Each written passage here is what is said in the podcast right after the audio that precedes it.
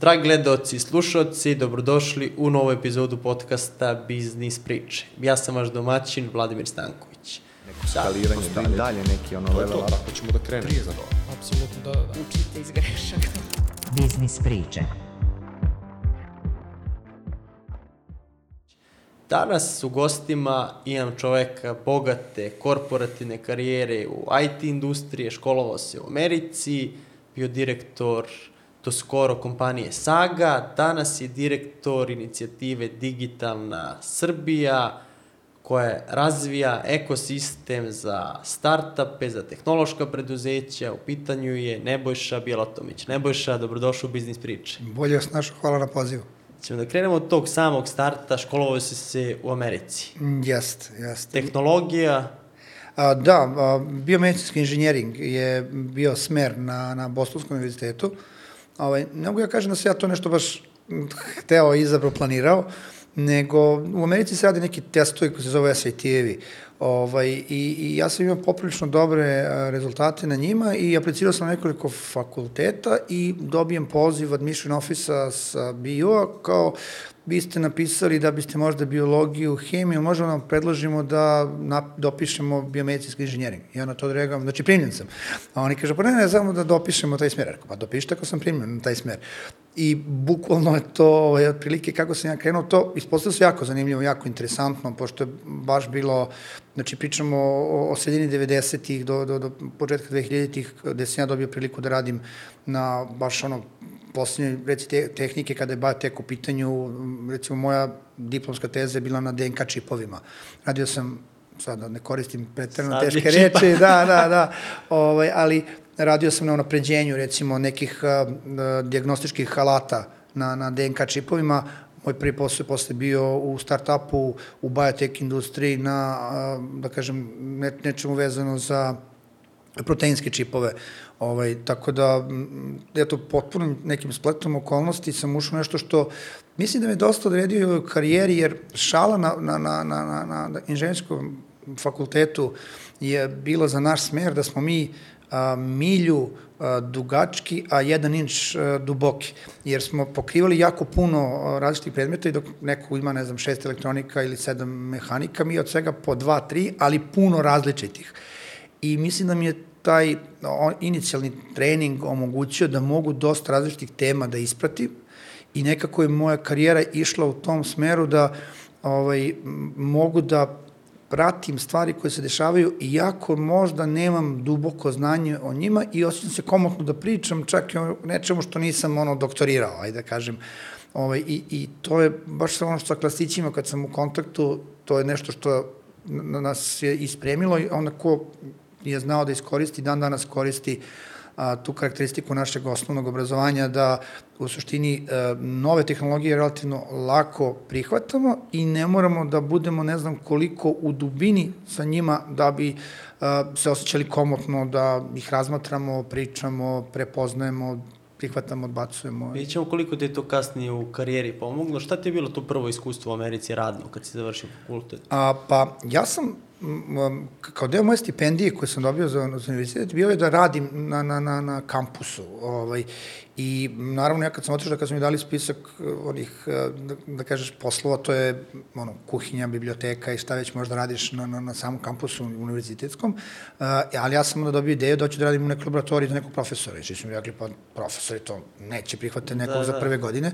Ja sam počeo da radim uh, na prvoj godini fakulteta u, u, u laboratoriji za, za Advanced Biotechnology Research. Ovaj, I, i radio sam neke jako zanimljive stvari, naravno morao sam i da radim pranje ovaj, laboratorijske opreme i tako dalje, nisam dobio sve cool stvari, nešto sam dobio ovako što je ovako super za kradnjenje karaktera, ovaj, ali mi je to omogućilo da u tom trenutku radim sa ne, baš zanimljivim stvarima i tako da uh, od mene se očekivalo da odem na, na, na doktorat, jer kao četiri godine si u laboratoriji, ti si, Moraš. ono, moraš, malte ne. I Sećam se da kada uh, sam, ja sam, ovaj, postoji test koji se zove GMAT, on je za MBA u Americi i ja sad kao nešto čitam neku knjigu za to, ali te knjige za te testove izgledaju dosta slične. Profesor, moj mentor, prolazi i kaže, a, spremaš uh, GRE, koji je opet test za on, PhD, ja kažem, ne, ne, ovo je za MBA. I čovjek ovako se razrogači, ode i dva dana ne priča sa mnom. I vrati se i kaže, to stvari nije loša ideja. Otprilike, ovaj, potpuno je negde ono ko mora da, da, da stvari, a meni je odvek nekako bilo zanimljivo da, da pokušam da uradim taj cross. Znači sad sam ja ovaj, nešto, imao inicijalni trening iz neke nauke i, i nije to bilo obično iskustvo na fakultetu. Samo četiri godine u laboratoriji je bilo super. Ja sam u drugoj godini fakulteta imao svoj grant za istraživanje streptovidin, eh, veze streptovidina i eh, zelenog fluorescentnog proteina. Ovaj, baš onako sam potpunosti pisao projekat, dobio pare, radio istraživanje, prijavljivo rezultate i tako dalje.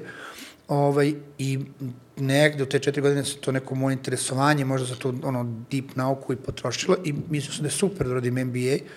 Ovaj, I uh, otišao, i onda je profesor koji je rekao, to ti je super ideja, rekao, ej, ti ćeš jedan startup, pošto tu može najviše da se kao, ono, pokupi uh, fora, to su neki moji, kaže, prijatelji napravili profesori, i ja bukvalno po preporuci odem uh, prvo između uh, treće, četvrte godine kao na neku praksu, a posle u, u, u tom startupu koji ne postoji već dugo. Šta je bio taj startup, šta radi? A, on, je, on se bavio a, a, evolucijom proteina, odnosno, to je danas jako popularno, znači više bolesti nemaju, one nisu, one su personalizovane, svaka bolest ima neke svoje da kažem, probleme u, i, i, i postoje molekuli koji mogu da pomognu stanju vašeg zdravlja i tako da kažem.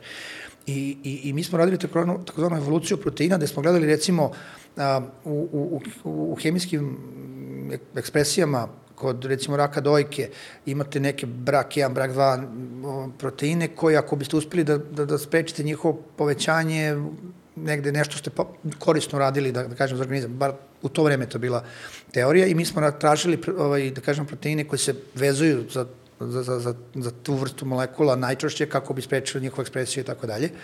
Ovaj, I ideja je bila da napravimo proteinski čip. U to vreme je DNK čip već ajde, postojao, bio dosta skup, ali recimo da je izašao kao nešto na, komercijalno dostupno, Affymetrix kompanija je to radila, a ova naša kompanija je tela da napravi proteinski čip u kome ti možeš da, da tražiš ono, proteine koji se ili jako ili slabo ili šta li već ti potrebno vezuju i ja sam ušao tamo kao inženjer za automatizaciju, znači bio sam, mislim, 16. 17. zaposleni, svi su bili, ono, PhD, raznorazni, od molekularne biologije do biohemije. Ja sam ušao kao inženjer za automatizaciju, da sve što oni rade na ono, laboratorijskoj klupi ručno, automatizujem. Ja, I to je bio moj prvi posao, ovaj, dobio sam lepa sredstva koje su rekli, ovo su pare za tebe, za tvoj projekat, da sam bio kao moje pare. Ovaj, I onda sam ja to radio istraživanje koja bi bila najbolja platforma za to. Radio sam, sećam se, sa, sa švajcarskom kompanijom Teken, ovaj, kako se zove, i, i automatizovah ja to i tu negde taman kad sam to završio sam bio u fazonu, je sada ću idem kući. Pošto nekako, od, kad sam ja otišao u Ameriku, ovaj, meni uvijek bilo fazonu, ovo je privremeno, ja se vraćam kući. I, I nisam znao šta treba da se tačno desi a, i kad će to biti, ali sam nekako potpuno živeo spakovano. No. E, si imao ideju šta bi radio u Srbiji kad se vratiš? A, n, apsolutno ne. Apsolutno ne. U ovom trenutku možda vjerojatno najveća moja ovaj, uh, ono, sesija planiranja bila šta ću reći mom tati kad se vratim i zašto sam se vratio. Ovaj, I sećam se da sam čak imao kao potpuno razređen plan, sad ću da, da apliciram na Bokuni, potpunosti, znajući da su mi male šanse da me prime, jer te 2002. godine jako puno se ljudi vratilo a, na MBA zbog recesije. Pride ja nisam imao uopšte dovoljno godina radnog iskustva koje se traži za MBA, ali kao ajde imam dobre ocene, radim u tom zanimljivom polju a, i, i prodam ću tu priču. E, mene će primiti na boku, neću ja sve prodam što imam u Americi, vraćam se kući, idem na more, pa ćemo idemo dalje. Čovjek onako zapanjen, zove u avgustu, pa nisi primljen. Ja kažem, ja super, znači da ću u Beograd da nađem posao. Da nađem posao. I to je, i tako je bilo. Ove, i, I opet, bez nekog, nekog preteranog planiranja, iskreno, ovaj, a, mene su na, na fakultetu, mi smo imali nešto što se zvalo senior project i tu si radio istraživanje kao kod nas diplomski, ovaj, koje pišeš, prezentuješ na završnoj konferenciji koja zaista sjajno okupa jako puno ljudi iz privrede. To je baš dobra priča da ovaj, neko nađe posao, ali te nauče i kako pišeš CV, i kako da se obučeš i središ kosu i obiš bradu i sve te uče. Sjećam se statistike koliko ljudi veruju ili ne veruju ljudima s bradom. To je bilo to, u, u, u mladim godinama. To ti ono, neće ti kažu obri se, ali ti predoče da kao, ako imaš 21 godinu, imaš bradu, nije to najbolji način da biš posao. To je otprilike, ono, negde cirka 2000 te bilo nešto što onako staviti pred tebe, pa ti odluči. Ovaj, Ali jele, uh, mene su to učili kao napraviš CV, obučiš odelo i tako ideš na intervju i ja se sećam kad sam to, vratio se s mora i definitivno jedan pokoni, ovaj, napravio CV i tad su počeli da se pojavljaju agencije za, da kažeš, traženje posla ili ono, HR agenciju, ne znam kako bih nazvao na, na srpskom. I ja u jednu od njih odim i dam svoj CV. Oni kažu, za koji se oglas javljate? Ja se ne, ne javljam za oglas, nijedan vaš mi nije zanimljiv, uzmite moj CV. I oni kažu, pa kao ne radimo mi tako, neka firma raspiše konkurs i vi se javite na konkurs. Rekao, gledajte, nijedan konkurs mi je interesantan, učinite mi, stavite taj CV tu negde, zlo ne trebalo. I ovaj, moj dragi mentor, pošto tako ga doživljam, Neša Inđić je tad radio u IBM-u, dođe čovjek da intervjuiše ljude za IBM i šta su mu spremili, mu se ne svidi i kaže, imate vi još nešto? Kaže, eto, igrom slučaja bio neki čudan momak, dao nam CV. I on čovjek uzme i ovaj, kaže, pa zove tog momka. Zove mene, ja se javljam i kažem, izvinite, ja nemam opeglano delo. I gospođa ovako, bukvalno čujem, uh, mladi gospodin kaže da nema opeglano delo, čujem njega, kaže, pa nemoj da dođe go, nek samo dođe. uh, I ja dođem tu, to je najbolji intervju koji sam u životu imao, bio je super. Ovaj. I dobro, prošao sam posle još četiri kruga da bi došao do IBM, ali počnem da radim u IBM. I opet, kao sad, kad me opet pitao Čalika, pa šta ti radiš tom, toj firmi? Pa kažem, tata, to je jedna velika inženjerska firma, mislim, završio sam inženjera, nešto ću da radim, vaći mi posao. Ja odem kod tadašnjih šefa, oni kažu, ti si account manager za government. Ja kažem, šta? Pa kaže, zadužen si za public sector. Ja opet kao, šta ljudi da radimo? I onda sad Neša Inđe dođe, slušaj, dođe, ti objasni. Ti ćeš sad da budeš prodavac. Ja rekao, ja ne, prodavac, sad ću to kažem. Ovaj, I ja tako postanem ovaj, account manager za public sector i, i, i, i dugo sam ovaj, u suštini uh, ostao u toj prodaji, pa dan danas, ono, kao negde, ako bi me pitao, gde se osjećam, kako bi identifikovao sebe, ovaj, ja bih rekao kao, neko, kao čovjek iz prodaje, pošto od te neke 2002. do, do, do danas uh, je prodaja nešto čime sam ja zarađivao i, i ovaj, za, za, za, za, za porodicu, što bi se reklo. Uh, ali tako sam krenuo u tom nekom tehnološkom smeru, tako sam se dohvatio IT-a i, i, iz koga nikad nisam izašao. Ovaj, I mnogo je dobra vožnja zato što je užasno brz sektor i užasno se menjaju stvari.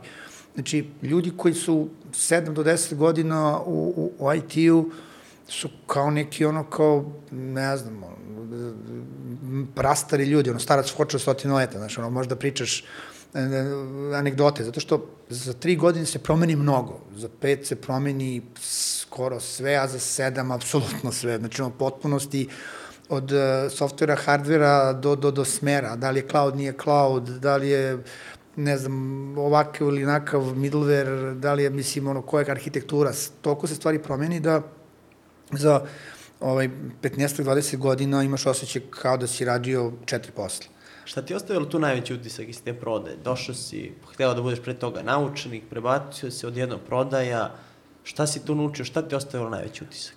Pa, ono što je meni i, i nešto što sam otkrio uh, i još uvek otkrivam i sad pokušavam da prenesem dalje, mislim, kod nas je prodaja nešto što ima uh, lošu tu, konotaciju. Pa da, znaš, prodaja nešto, pa, prodaja prevara u, u, u, u svesti je nekako, znaš, ono kao, dobro, Amerikanci imaju te neke, ono kao prodavac polovnih kola ili, da, ili da šta li već. Mi čak nemamo, nismo dotle došli, mi prodaja, to je već samo po sebi nešto što ne, ne dičeš se time. A u suštini je prodaja a, do, u, u današnjem svetu dignuta na nivo a, nauke Znači, zaista postoje, postoje neki postulati, postoje neke tehnike uh, i ono što je zanimljivo da se oni još uvijek razvijaju. I oni se ostanju na, i na psihologiju, i na sociologiju, na, na razumevanje ljudske prirode, ljudskih potreba, na, na razumevanje potreba samih korisnika. O tome beskreno može da se čita i uči i što je jako zanimljivo, menja se, jer evo kao što smo negde u uvodu,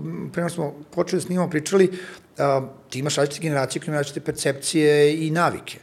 I ti šta god da si smislio da je dobar način za prodaju nekom ko sad ima 40 godina, kada ti komercijalno poslovno interesantni ljudi koji sad imaju 20 nešto godina, to su potpuno drugačiji načini razmišljenja. Od kanala komunikacije koje moraš da koristiš da bi došlo do njih, do vrednostnih stavova, do možda tome da je iskustvo bitnije od materijalnog. Šta je već sad nešto što je vezano za milenijalse drugačije od, od X generacije? I u prodaji stalno moraš da se menjaš, stalno moraš da učiš, ali prevashodno da učiš. A, naravno, postoje ljudi koji su talentovani i manje talentovani kao za gotovo svaku ljudsku aktivnost ali prodaja i, i biti dobar u prodaji i definitivno jeste nešto što je podložno učenju i, i rad se isplati. Mislim da još uvek kod nas to nije nešto što je, ono da kažem, standard ili mantra, čak ja i nisam siguran da postoje neki akademski programi u kome bi ti rekao ja ću da učim da budem prodavac. Mislim, to, i, i interesantno je da ljudi iz najrazličitijih backgrounda mogu da budu jako, jako dobri u, u, u, u prodaji. A, možda najprirodniji prodavac koga sam u životu video, a, na Beogradskom sajmu je bio nek, neki od onih sajma elektronike, šta li već, i tu smo, ja sam pomislio kako je potpuno bez veze, stojimo tamo dva dana a, da ne prodamo ništa i organizovao sam da imamo prodajni štand. I a, devojke koje su tu bile hostese su se toliko primile da, da, da bukvalno prodaju te laptope koje smo imali na, na, na, na sajmovima, da je to baš onako bilo neverovatno da je promet u ta dva dana bio izuzetan. I devojka koja to možda najbolje radila, ja posle dva dana pitam, izvini, a šta studiraš? Ona kaže, stomatologija. I kao, pa razmišljaš, bi možda razmišljala da spaviš? Pa ne, ne, ne, kao ja imam svoj smer. A rekao, ali mnogo si dobro, kao da, ja sam sad to otkrila. Ovaj, tako da u suštini to jeste talent, ali koji se može uh, razvijati, na kome se može raditi. I to mi je možda nešto što mi je uh, najveće ono, iskustvo i, i dalje mi i, ono, intrigira, zato što za neko ko apsolutno za sebe ne misli da je prodavac, ti vidiš da, je, da može da bude i onda ga, ne znam, učiš i, i daješ mu savete, ja mislim da je možda najveća sreća u životu moja što sam imao sreće da na početku karijere naletim na ljude koji su se bavili sa mnom kojima nisam bio ono, aj kao mali, idi, donesi burek, nego su se bavili sa mnom, davali mi neko bezbedno okruženje da pogrešim, davali mi mogućnost da naučim, verovali u mene da ću neke stvari da uradim koje možda ni sam nećem verovao u sebe. I mislim da je opet učili su me, ono, profesor Đorđević stalno to pričao, da je ono, mentorstvo najbitnija stvar u zapadnoj civilizaciji. Sad osjećam dužnost da to vraćam. Pa to, ti to sad primenjuješ na svojim ili pre toga si ti to isto radio svojim zaposlenima. Koliko je bitno to mentorstvo? Pa, pazi, ajde ovako, znači, ako mladi ljudi nemaju priliku da, da čuju nečije greške, onda će ih ponavljati. I onda ćemo se vrteti u krug. Onda ćemo, onda će čovečanstvo da se sporije razvija društveni odnos i društvo.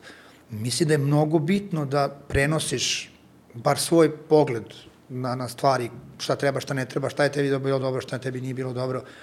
Posebno kad, mislim, kad si mlad, e, ti nisi siguran u stvari, nisi siguran u sobstveni identitet. Mislim, i, i postoje, da, evo danas pročito nešto, rećem, baš pametan momak, pametnu stvar, postoje različite verzije tebe i kako si siguran da kad biraš sa 18 godina svoju recimo poziv, da je to ta verzija tebe. Ovaj, I bitno je mladim ljudima pomagati da dođu do, do tih nekih zaključaka ili ako ništa drugo da čuju razli, različite verzije istine da bi našli svoje. I, i, i, i, mislim da je to presudno bitno za, za, za društvo, za pojedinca, pa i za sve neke strukture iznad, iznad, iznad svega toga. Ovaj, na taj način imaš priliku da, da stvari budu bolje.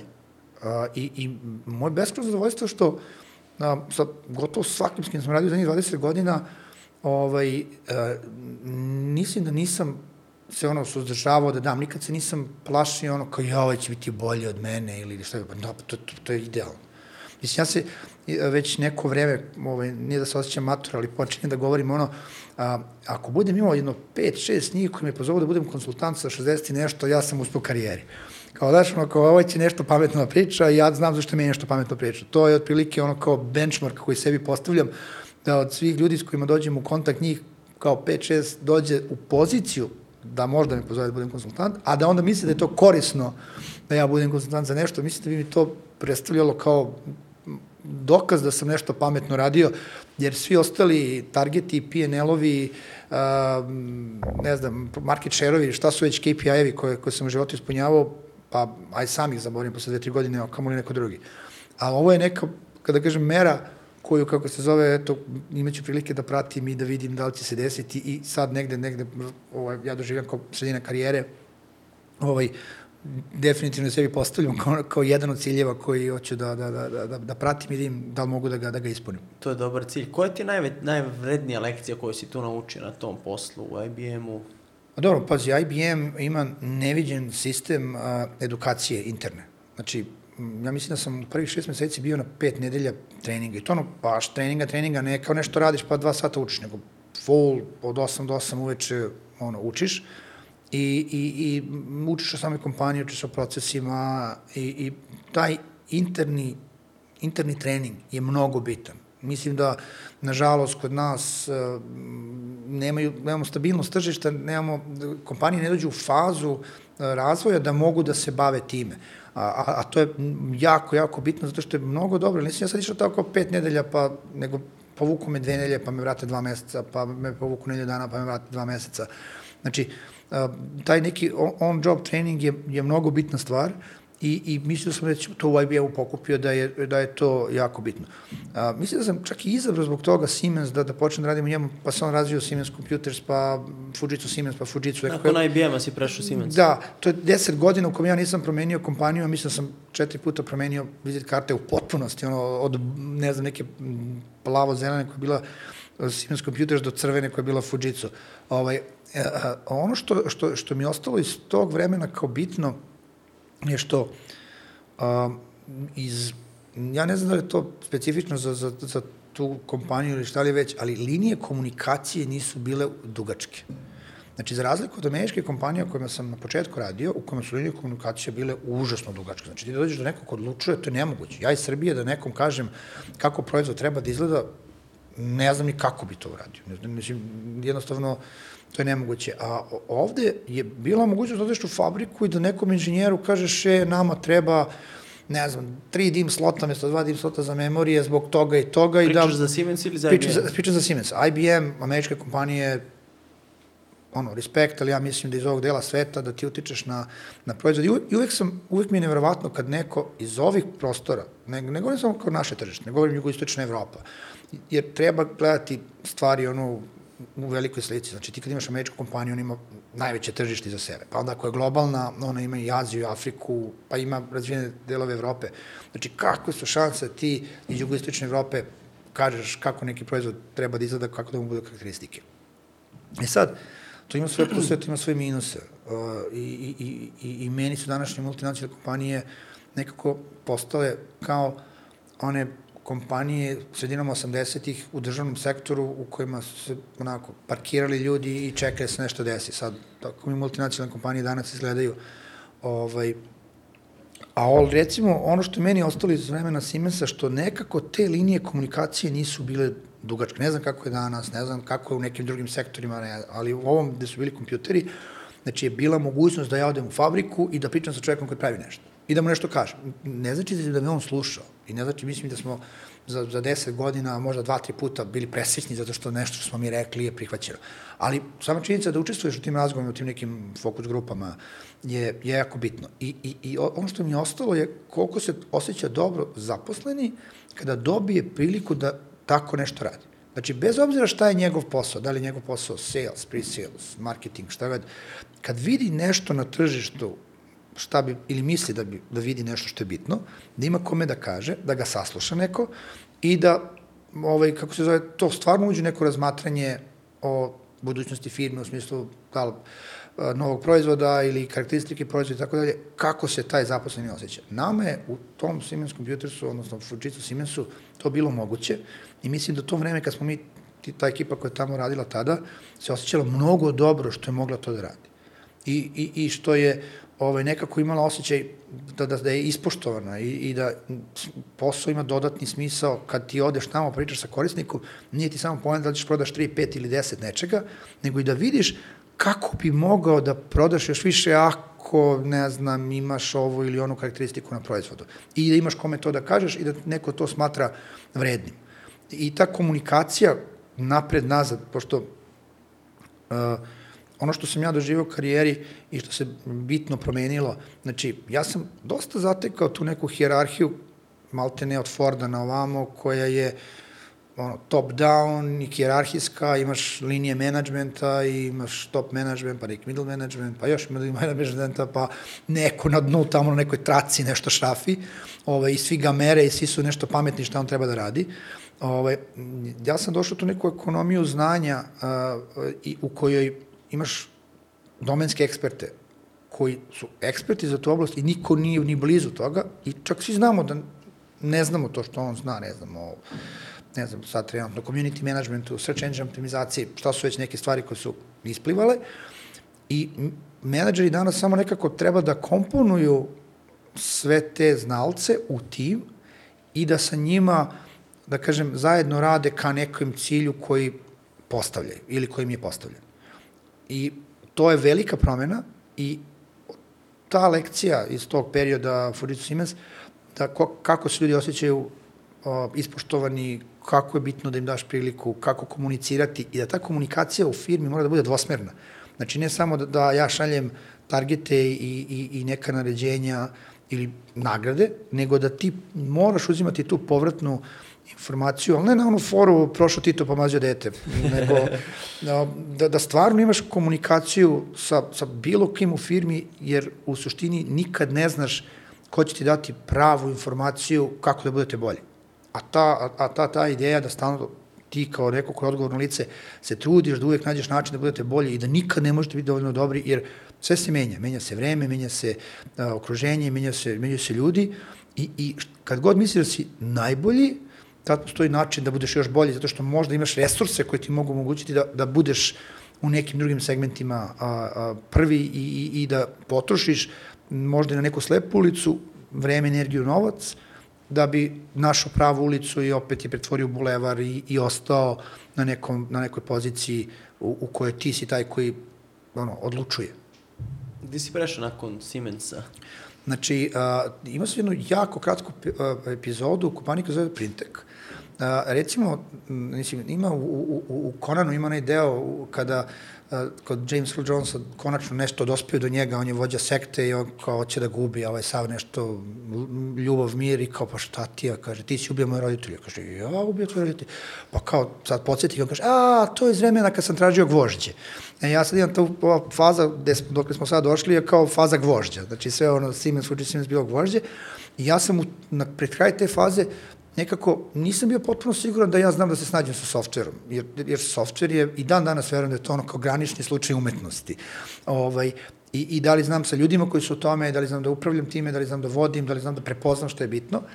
I Printik mi je dao izuzetnu priliku da a, budem u nečemu što je dominantno i dalje, da kažeš, gvođarska priča, jer a, Šta su radili oni? Da, oni imaju, oni su imali ekskluzivno za NCR bankomate, uopšte proizvode NCR, ali bankomati su nešto što je ovde bilo na, na, na, najdominantnije i, i Verihon to oni posovi za, za kartice. E sad, znači, ti imaš gvožđe, ali softver na tim stvarima je počeo da bude ključan.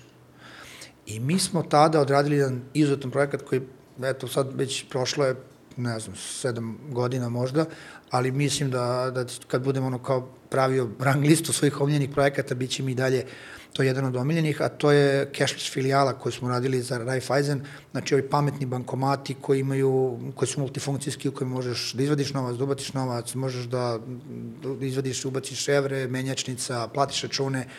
A, jeste tu jako napredan hardware, ali ga je trebalo isprogramirati. A, i, i, I to je jedna sjajna ekipa odradila. Ja sam tu onako bio navijač glavni, ovaj, kako se zove, ali sam tada shvatio da, da mogu da, da, da, da radim na tim kompleksnim projektima uh, u kojima je software bitna komponenta. I da mogu da ispratim čak tu, tu temu kao softverske arhitekture, pošto moje prvi suzeti sa, sa softverom su stalno bili ono kao ljudi pričaju ovako kao tiltujem i, i da li ja uopšte nešto razumem da sam sa sobom vodim razgovore, da li sam dobro razumeo, da li sam pravilno razumeo. A, im, imao sam tada, imam sada veliko poštovanje uopšte za, za, za softver, jer a, nekako je meni nevrovatno a, neko dođe i priča šta oni rade I onda neko sedne, napravi kod i taj kod radi to što su oni radili. I, i to je meni kao neverovatno, to je baš kao neka magija i, i, i ima mnogo zakonitosti i, i, i pravila i opet kao i u svakom zanatu imaš oni koji su izuzetni u tome, oni koji su okej okay u tome, ali mi je uvek, uh, od kad sam negde prvi kontakti sa, sa, sa, sa softverom i kako je on postao kompleksniji, ove, mislim, ja sam na fakultetu programirao i pokušao da programiram po, posle. Mislim, pošto opet, opet me uhvatila jedna velika evolucija, znači object oriented programiranje se pojavilo, pojavila se Java negde taman pred krajem mog fakulteta, pa sam iz CEA ispratio šta je to Java i kako to funkcioniše. Ovaj, to mi je sve i dan danas ono kao neverovatno. Znači, sedim na nekom sastanku i neko nešto objašnjava i postoje neki analitičar koji to kao sluša, da on napravi kako ćemo mi to da napravimo softver, pa neko ode pa pogleda, pa to još dodatno isfragmentira i onda kako se zove isprogramira i onda to, to kao radi. Onda imaš neki portal u kojoj nosiš neke podatke i umesto da na nekom šalteru nekom nešto pričaš, ti na nekom portalu nešto to unosiš i onda se to poveže sa nekim dodatnim a, softverima, pa se sve to nešto iskontroliše, da li je to tako si rekao i onda, ne znam, tebi se plati polis osiguranja, primjera radi zato što si imao udes i prijavio si ga kroz aplikaciju. Ovaj, i, I to je nešto što mi je u tom segmentu, pre, to je sad već nekih 6-7 godina, mislim u tom, u tom, tom printeku sam vidio da, da mogu da se bavim time i da mogu da dobacim bukvalno intelektualno do toga i, i, i onda sam prešao u sagu. Zato što opet to je još jedna kao, da kažem, profesionalna lekcija. Uh, Printik je jako velika kompanija u smislu broja zemalja koje pokriva, ali u, u Srbiji ima relativno mali tim i, i razvoj je uglavnom u tim, da kažem, većim zemljama za njih kojima su prisutni. A ovaj, kako se zove, u Srbiji imaju 30 ljudi koji rade izvaredan posao održavanja za svoje klijente. Koja je tvoja ovaj, funkcija bila tu u Printiku? Pa ja sam negde postao generalni direktor uh, ne znam, 2007. 8. tada sam uglavnom nosio tu funkciju. To je ko sedi u fotelju. Da, da, to je to, ja sam kao onaj ko držim se čvrsto. Ovaj, ne, nekako, meni taj ceo titula nikad nešto nije bila bitna i onda mi lakše kažem, bio sam direktor. Ovaj, kako se zove, mislim da sam se zvao generalni direktor, nije, baš retredno ni bitno. Ovaj, ali da, bio, mislim, da li sam bio glavni odgovorni? Da, jesam. Za, za, za, za, za, da kažem, tim, za odnose sa korisnicima, za održavanje za razvoj, za komunikaciju sa centralom, za komunikaciju sa, sa vendorima. Ovaj, I bukvalno sam taj, taj projekat koji smo tad radili ovaj, i, i nedostatak resursa i, i, i koliko ti možeš da uradiš sa 30 ljudi, shvatio sam, a pride nekako, još jedna stvar sam učio o sebi. Ja sam do dolaska u Printek imao poziciju u posto moja ajde, rola u Furdicu je rasla tih 10 godina, odnosno Siemens u Furdicu, i imao sam poziciju da sam zadužen za jugoistočnu Evropu. I ja sam bio dva do tri dana nedeljno na putu. Bukvalno sam se ono budio u hotelima i puštao TV da vidimo u kojoj sam zemlji. Pošto hoteli su u tom trenutku već počeli da liče toliko jedan na drugi da ništa u sobi mi nije govorilo gde sam, nego kad pustim TV onda čujem jezik i onda aha, Bugarska, aha, Rumunija, aha, gde god. I, I to je baš onako, meni ne leži ta priča. Znam ljude koji su ceo život tako proveli, ali meni baš ta priča nije ležala i trajala negde oko tri godine. I onda sam ja rekao, ok, sad hoću da budem tu da jesam, odnosno nisam se džabe vraćao iz Amerike da bi putao non stop. I printek mi je bio nešto što je kao, ok, mogu da sagledam tu celu priču i hoću da to bude nekako, glupo je bilo da kažem manje posla, ali nekog posla koji ja mogu bolje da organizujem. Da ne bude ono stalno upadaš i površno radiš neke stvari ali sam uh, shvatio da, da, da je dosta toga do mene. Možda me staviš, ne znam, u ono kao orahovu ljusku sa, sa ne znam čime i ja ću da napravim neki posao od svega toga i na, natovarim samog sebe. A, I ja sam podjednako sebe tovario u organizaciju 30 ljudi kao kada sam bio sastavni deo firma 30.000 ljudi, ovaj, samo su mi fali neki resursi. I onda sam rekao, pošto, ajde, te relacije koje sam imao na, na našem tržištu, nekako meni niko nije nudio posao dok sam bio menadžer za jugoistočnu Evropu u Fujicu, kao, znaš, od, od, kažem, lokalnih naših firmi. A onda kad sam otišao u Printek, bilo je pa kao čekaj, čekaj, ako ti hoćeš da radiš, aj kod nas i takav sam odnos imao sa... sa, sa što je to, zato što manja kompanija ili vamo misli direktor, pa... Pa, dosta je to u našoj da psihologiji, kao, znaš, sad ti si se dokopo strane firme, pa da, pa još regionalne pozicije, da mrde, da, da. pa kao, znaš, kao sad, valjda bi trebalo bude, ne znam kako je to logika, mislim, ok, gledaj ovako, ja kad sam vodio Fujitsu Siemens u poslednjoj nekoj fazi, jeste to bilo 50 ljudi, jeste to bilo ovaj, u ne znam 6-7 gradova, o, desetak država, ovaj, jeste moj, ne znam, revenju. Mislim da, da nikad više nisam postigao revenju kao u toj fazi, da mislim da nekada, tada smo gađali možda 60-70 miliona prometa a, a, godišnje. Ovaj, I sad, kao, znaš, kao to sve zvuči tako impozantno, ali onda s druge strane imaš Sagu koja ima 500 ljudi, koja ima šest kompanija u svom sistemu, koja ima 50 miliona prometa, mislim, a da ne pričam, upravljanje sa tom kompleksnošću koliko je iz profesionalnog ugla izazovnije u odnosu na radu multinacionalne kompanije u kome zaista 60-70% i to, ako imaš sreće e, da, da bude toliko, a ne više, ti dođe kao protokol. U kome ti si ono kao onaj pevac kod Homera Simpsona. Znaš, udaraš samo dugme u, i, i ne, do, ne do Boga ako nešto uradiš drugačije od elektrana. A, ovaj, kako se zove, a, a vamo, si ti taj koji, koji nekdo ima potpunu slobodu da, da, kreira, da kreira stvari. Tako oni su te zvali da pređeš na koju poziciju? Generalno direktor. pa gde drugde? Da, da, da, da, to smo absolvirali, to negde ono cirka sedme, osme rešeno i kao sad vozim. Ovaj, pa da, generalni direktor Sage DO, mada ajde kao bio sam, mislim, volim tu izraz, u mom PNL-u su bile sve firme kojima je Saga je ovaj, većinski vlasnik. Ovaj, i, I to se desilo negde s proleća 16. ako se dobro sećam. Ovaj, I to je bio baš ako je ogroman izazov. Zato što, kao što sam negde se prispitivao 14. 15. da li sam ja, ono, kao da li taj software mogu, ovo je sad otprilike kao stvarno 500 ljudi. Mislim, u, u samoj sagi deo u tom trenutku bilo 300 plus, ali kad dodam sve firme i, i, i tržišta, pošto je saga i na, na susjednim tržištima, bilo je kao kako ja pričam s tim ljudima, znaš, kako ja komuniciram, kako, kako, kako će mene da čuju, da treba da me čuju.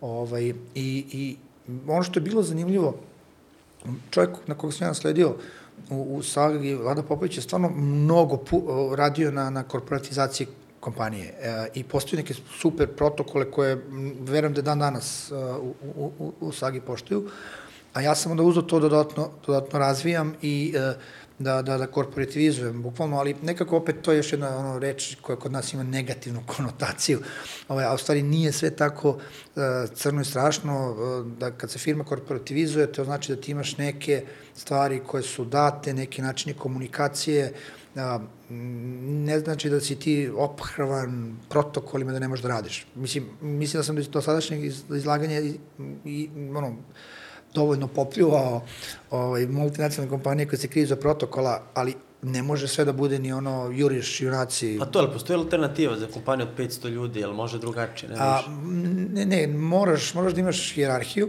moraš da imaš hjerarhiju, moraš da imaš utabane uh, kanale komunikacije, ali opet uh, moraš da postoji ta ljudskost u kome neko možete zaustavi na hodniku kad kreneš u WC, ti kaže nešto što mi ti je bitno i da ti tom trenutku kao ono izdržiš 3 sekunde i kažeš čekaj, čekaj, čekaj, ja u pravu si, idem do WC-a pa ćemo kod mene u kancelariju.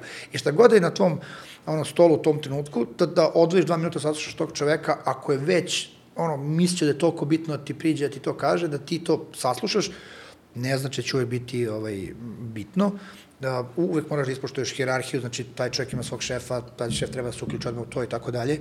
Ovaj, i, I bitna je ta vrsta fleksibilnosti, bitna je ta vrsta kako da kažem, okretnosti, ali opet mora da postoji utvrđen, utvrđen kanal komunikacije i, i mora da postoji ovaj, um, mora da postoji merljivost.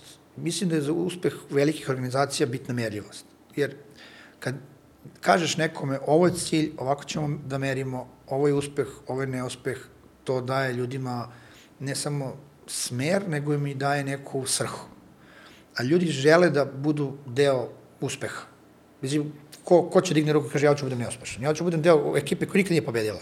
Pustite me da igram 82 utakmice, dobijem dve, da napravimo negativni rekord u NBA. Mislim, tu, tu ne postoji takav tim. Znači, svi se lože da budu 75, 80, znači ono, mogu ja budem bolje Jordana ili od Karija, to je poenta.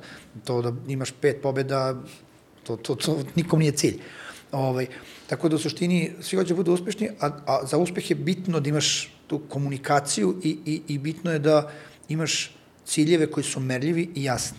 I, I zbog toga je nemoguće, a mislim, samo, samo, samo način na koji biraš ciljeve, sam način na koji komuniciraš ciljeva je već korporativni način funkcionisanja. To već nije, mislim, ja sam imao tu sreću što kad sam, kao što sam rekao, počinio, počeo sam u firmi od, od, od 16 ljudi. Mislim da nas u, u ovom celom deseta godina Siemensa, Fujitsu Siemensa i Fujitsu na kraju nije, nikad nije bilo više od 15.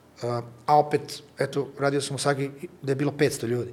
Ovaj, i, ne, znači, postoje mogućnosti, recimo, meni jedna od omiljenih stvari koje smo radili u, u Fujitsu Siemensu, imali smo doručak petkom. I ono kao, kupimo dobar doručak, svi sednemo i to nam je bio kao, ono, sales company sastanak u kome prođemo kroz najbitnije stvari koje se dešavaju uh, nama, da, da zna ko šta radi i tako dalje, ali to možeš kada si ima 10. Kako to reći 500 ljudi? 500 ljudi. Što opet, mi smo u Sagi imali uh, četvrtkom u Sagi, ne svake nedelje, ali smo kao jedna tema ili tu se neke stvari obrađuju gde uh, je dolazilo veliki broj ljudi, znači ne, nemaš 500 nikada da dođe. Mislim, čak na online je postavljeno zanimljivo, što možda tačno prebrojiš kad je došla korona, ali mislim da smo, no to bi sad momci iz marketinga znali tačno, ali mislim da smo recimo 200 i nešto je bio maksimum, do duše, ajde, to su bile prezentacije samo za Sagu DO, koja je u tom trenutku imala 300 ljudi, ali recimo dve trećine ljudi ti dođe, no, tako kad je velika kompanija, dve trećine ljudi ti dođe, ali opet ti računaš na word of mouth i neko će možda kasnije da pregleda, sad se sve snima. Ovaj, e, bitno je da postoji ta town hall, nedostatku bolje srpske reči, ali taj način kad kao obraćaš se svima, pričaš sa svima, da svako ima ovaj, ideju da si dostupan, kao neko ko utiče na njegovu sudbinu. Jer to što su tebe postavili da, da, da, da ti budeš direktor, to je on, rezultat tvog napornog rada, spleta okolnosti, sreće, tvoje sposobnosti. Ali ti nisi najpametniji u toj sobi. I ako si možda u najvećem broju slučajeva, čak najpametniji, jer mi, mi imaš najviše informacije i tako dalje. Postoje momenti kada sigurno nisi najpametniji, taj moment ako moraš da ga prepoznaš, da saslušaš nekoga, ti si onda uradio pravu stvar, ti si onda poveć, povećao šanse te firme i tih ljudi da budu uspešni. Ali to znači da oni moraju da znaju da smeju da ti se obrate, da ti da, kažu. Da, da, da, da, da. Mislim, ja apsolutno ne verujem u to, to, ono, mi imamo našeg heroja, direktora, koji bitno je da je jeo, spavao, da mi svi radimo za njega da bi on bio fokusiran na posao i on nama donosi posao. To, to, to je potpuni ono meni nonsens ili da ne, ne, tež, ne, ne potežem teže reči. Ovaj, stvarno se pobede svode na, na tim. Mislim, opet, ovaj, moj omiljeni basketaš je Mileta Lisica. Mislim, to je, to mora da budeš malo matro, da se sećaš čoveka, to je početka 90-ih, kad gledaš dan, danas njegovu statistiku, teško da bi rekao zašto je on ono, izuzetan. Ali koga je gledao, taj broj blokova, taj broj bačenih ono, ono, žrtvonog tela za, za bacanje u aut, znači imaš one ljude koji kad uđu, ceo tim nešto igra bolje. Ne znaš zašto, ali ceo tim igra bolje. Znači igra se timska odbrana bolje, što svakom pomaže u odbrani. On je taj koji uvek će trči i, i, i, i nazad u odbranu i, i prvi u kontru i tako dalje. A, cela stvar je da, kako se zove, postoje delovi koje statistika ne može da pohvata. A zbog tih delova se postaje pobednik. I ti si taj koji kao direktor treba da stalno ističeš da nikad ne znamo ko će da nas ono izvuče da, da, da, da, da, da budemo pobednici. Kad, kad će ko da zasija. Mislim, meni je, ja sad opet uvek ovakvim, primetio sam da ovakvim situacijama previše odlazim u basket i ljudi ne možda da isprate, ali ima sjajna jedna situacija u kojoj uh, sedmoj utakmici Miami je skupio najbolje igrače koje mogu da igraju u tom trenutku zajedno i oni igraju protiv um, beše San Antonija i uh, šutira LeBron James dva puta trojku i maši. I Chris Bosh dobijaš loptu u ruke. I bukvalno vidiš ako čeka koji pogleda opet u Lebrona, najbolji igrač i tada i sada na planeti, dva puta promašio, da mu daj loptu. I on pogleda i vidi Ray Allena, specijalistu za trojke i dodaje njemu loptu i tada Ray Allen ulazi čujenu stvar da se ne gledajući u svoje noge perfektno povuče pola koraka iza trojke, rokne trojku i, i, i pobedi. To je bila šesta utakmica, posle su ih sedmo razvalili. Ali Chris Bosh je odlučio da neće dati najboljim igraču loptu nego specijalisti za trojke. I oni su pobedili. Nije Boš bio taj na terenu koji je donosio takve odluke, ali taj donao tu odluku, oni su pobedili. Taj Miami koji je imao ono, pravljenje da, da, kako ono su rekli, ne osvoji ni jedan ni dve, nego deset titula. Ovaj, i, I takve situacije u firmama i u životu se jako često dešavaju. Ne onaj koji treba da donese odluku, donosi odluku u situaciji kad je bitno i, i bitno je da ti oko, skupiš što jaču ekipu, a onda kako će se odigrati, pa to je stvar momenta, stvar sreće, stvar hrabrosti, ali ako svako se osjeća pozvan da donese bitnu odluku, imate veću šansu da donesete dobru odluku. To bio tvoj posao da prepoznaš te ljude koji su Ja pravi... sam napravio da to bude moj posao. Jer, a, opet, svaka firma koju sam radio, a Saga posebno, a, ima jako raznorodne, raznorodne stvari. Znači, od toga da može da ti završi ono, pasivu za, za, za, za, i mrežu, kako me učio Backo, od Šukoa do Trafoa, ovaj, do toga da možete napraviti ovaj, chatbota za vetsku inteligenciju. I dijapazon tehnologija, dijapazon specifičnih znanja između je ogroman. Zamisli da ja treba donositi sve te odluke, pa to je nemoguće, to je suludo. Da, da, čak, ako bi ja pomislio to mogu verovatno, je sad već pitanje da li treba da me vode negde da mi pišu šifru. Znači, moje da prepoznam ko je dobar i ko može da vodi. Što za ovu pasivu je vodio čovjek koji je 27-8 godina u, u, u, u Sagi i kad sam ga pitao šta treba da budete još bolje, tačno čovjek imao listo šta je i, i super rade, a ne znam, u veštačku inteligenciju, stanovak ima 30 i nešto, tad je ono jedva ima 30 i, i između imaš ljude koji imaju ono, i manje i više godina, i manje i više iskustva, i tri meseca u, u kompaniji, i 30 godina u kompaniji, i tvoje da ono, prepoznaš da oni imaju to što treba da, da bi vodili, a onda da nekako obezbediš resurse koji su njima potrebni i da, ono, kao uvek si tu od toga da slušaš ono, glupe priče da, da bi se oni rasteretili do toga da neki put ih poteraš i vratiš i veru u sebe. Mislim, nekako u velikoj meri ti si bre onaj, kako se već krenuo sa basket terminima, onaj što sedi na klupi i vrti peškerom. Znaš, zato što ovi na terenu nešto rade, a ti si taj koji daje energiju i navija. I, i jako je bitan taj uh, što vrti peške u svakom timu. To će svako ko je bio u timskom sportu ti kaže da uvijek imaš tog jednog koji ono, na taj auto grli sve viče ljudi kako ste dobri. I onaj koji u publici ne kapira koliko je to bitno. Ovaj, jako često, i to više nego što ljudi e, razumeju, biti najveći navijač jeste uloga čoveka koji vodi. Jer onda ovi koje vodiš se osjećaju ispoštovani, osjećaju da mogu da pruže sve što treba da pruže, što, što su očekivanja i, od, i tvoja i nekog i management iza vas i na kraju kraja to postoji njihovo očekivanje, da veruju u sebe. Odlično rečeno. I sad ono, najavili smo kad si ti otišao u IBM da si imao odličan prijem, mentorsko, mentorstvo, da su te savršeno uklopili. Sad, kako si ti to premenio, sad si u Sagi direktor, kako si ti pristupao tim novim ljudima koji dolaze, obrazovanju njih? Pa, a, pazi, jednu stvar koju sam ja smatrao da je bitna i, i drago mi da se na naše tržište sve više dešava, to je da je kadrovska služba jako bitna i kadrovsku službu smo izdigli do nivoa e, izvršnog odbora.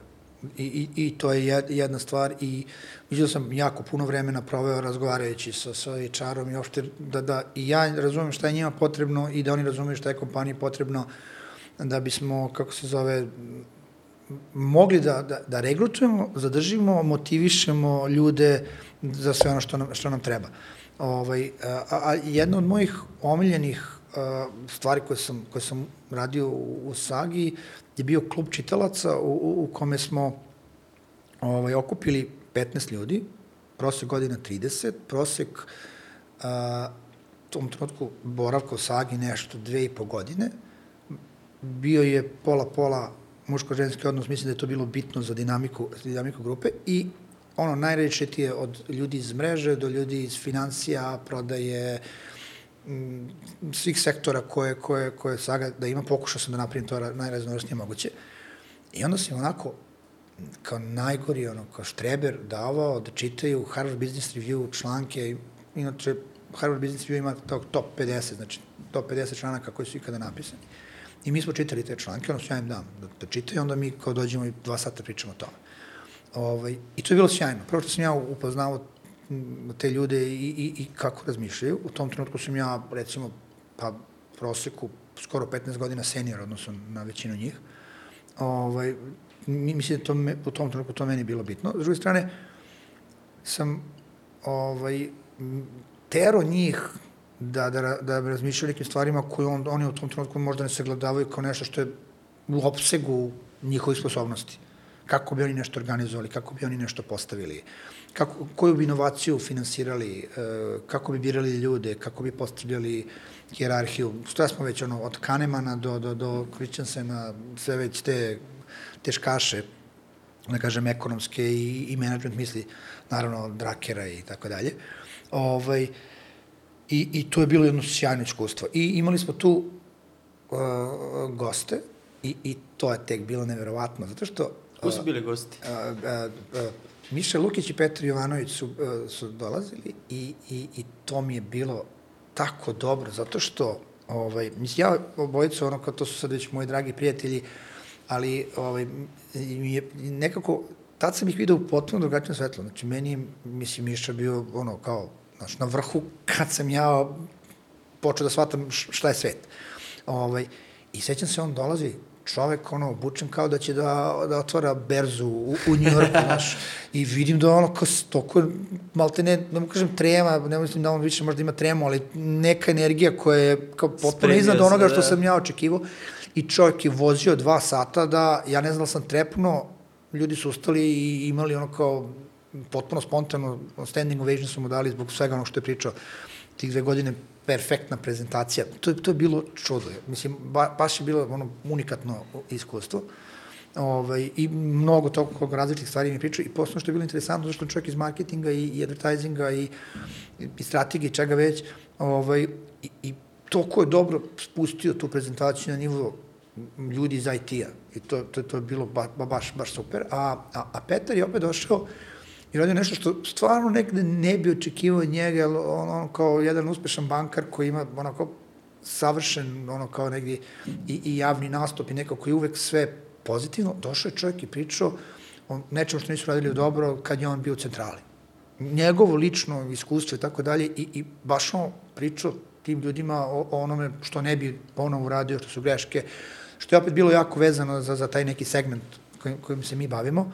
I to je toliko bilo onako, a, ono, kako da kažem, a, prizemno, ali u, u, u svom ono, pozitivnom smislu te reči e, i, i, i, analitično i, i baš mi je bilo kao, mislim, ja sam nekako uvek sastanci sa njim su na nekom najvišem spratu zgrade u kojoj se nalazimo, a ovo je bilo tako super i, i, i, i mislim da su ono kao prvi put i, i, i ljudi koji su tu sedeli iz Sage dobili priliku da čuju nekog egzekutiva koji radi potpunu introspekciju nekih svojih stvari koje želi da možda vrati nazad i, i uradi drugačije.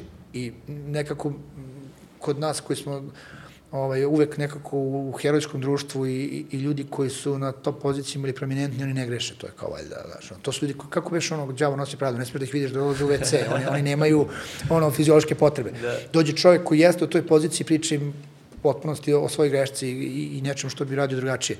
I to je bilo ba, baš dobro.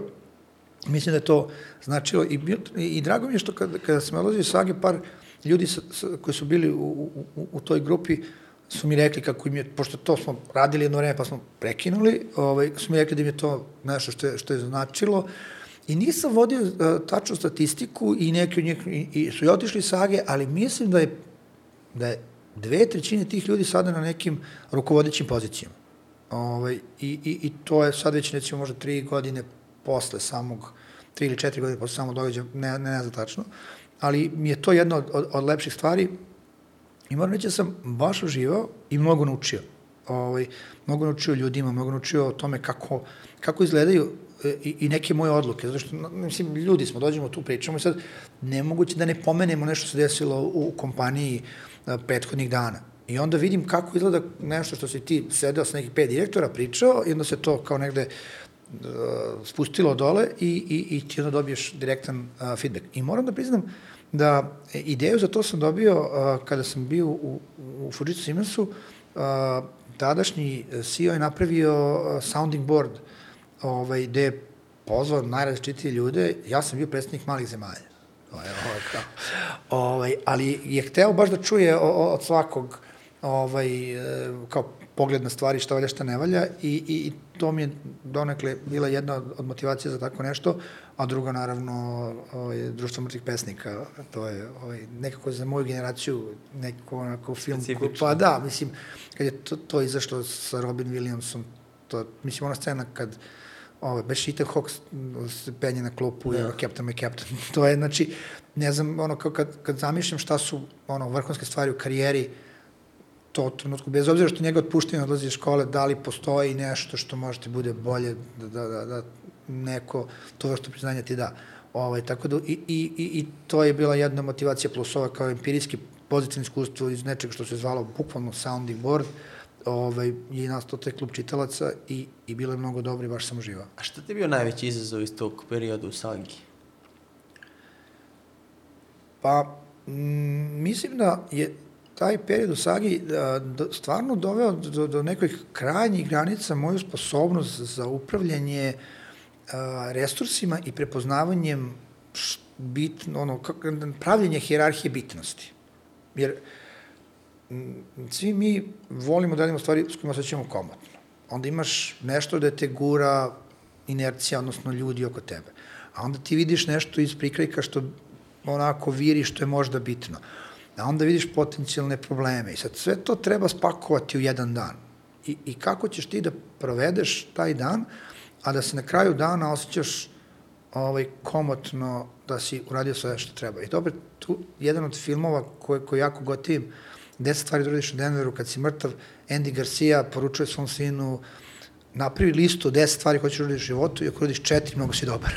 I to, tu mi je Andy Garcia pomogao kad sam došao u Sagu, zato sam shvatio da 10 nikad neću uraditi i da je četiri okej. Okay. Koje su te stvari bile? O, pa, ajde ovako, e, ja, ja mislim da kompanija uvek mora da ima dobru ideju od čega stavlja hleb na sto a, i da bude mnogo dobro u tome.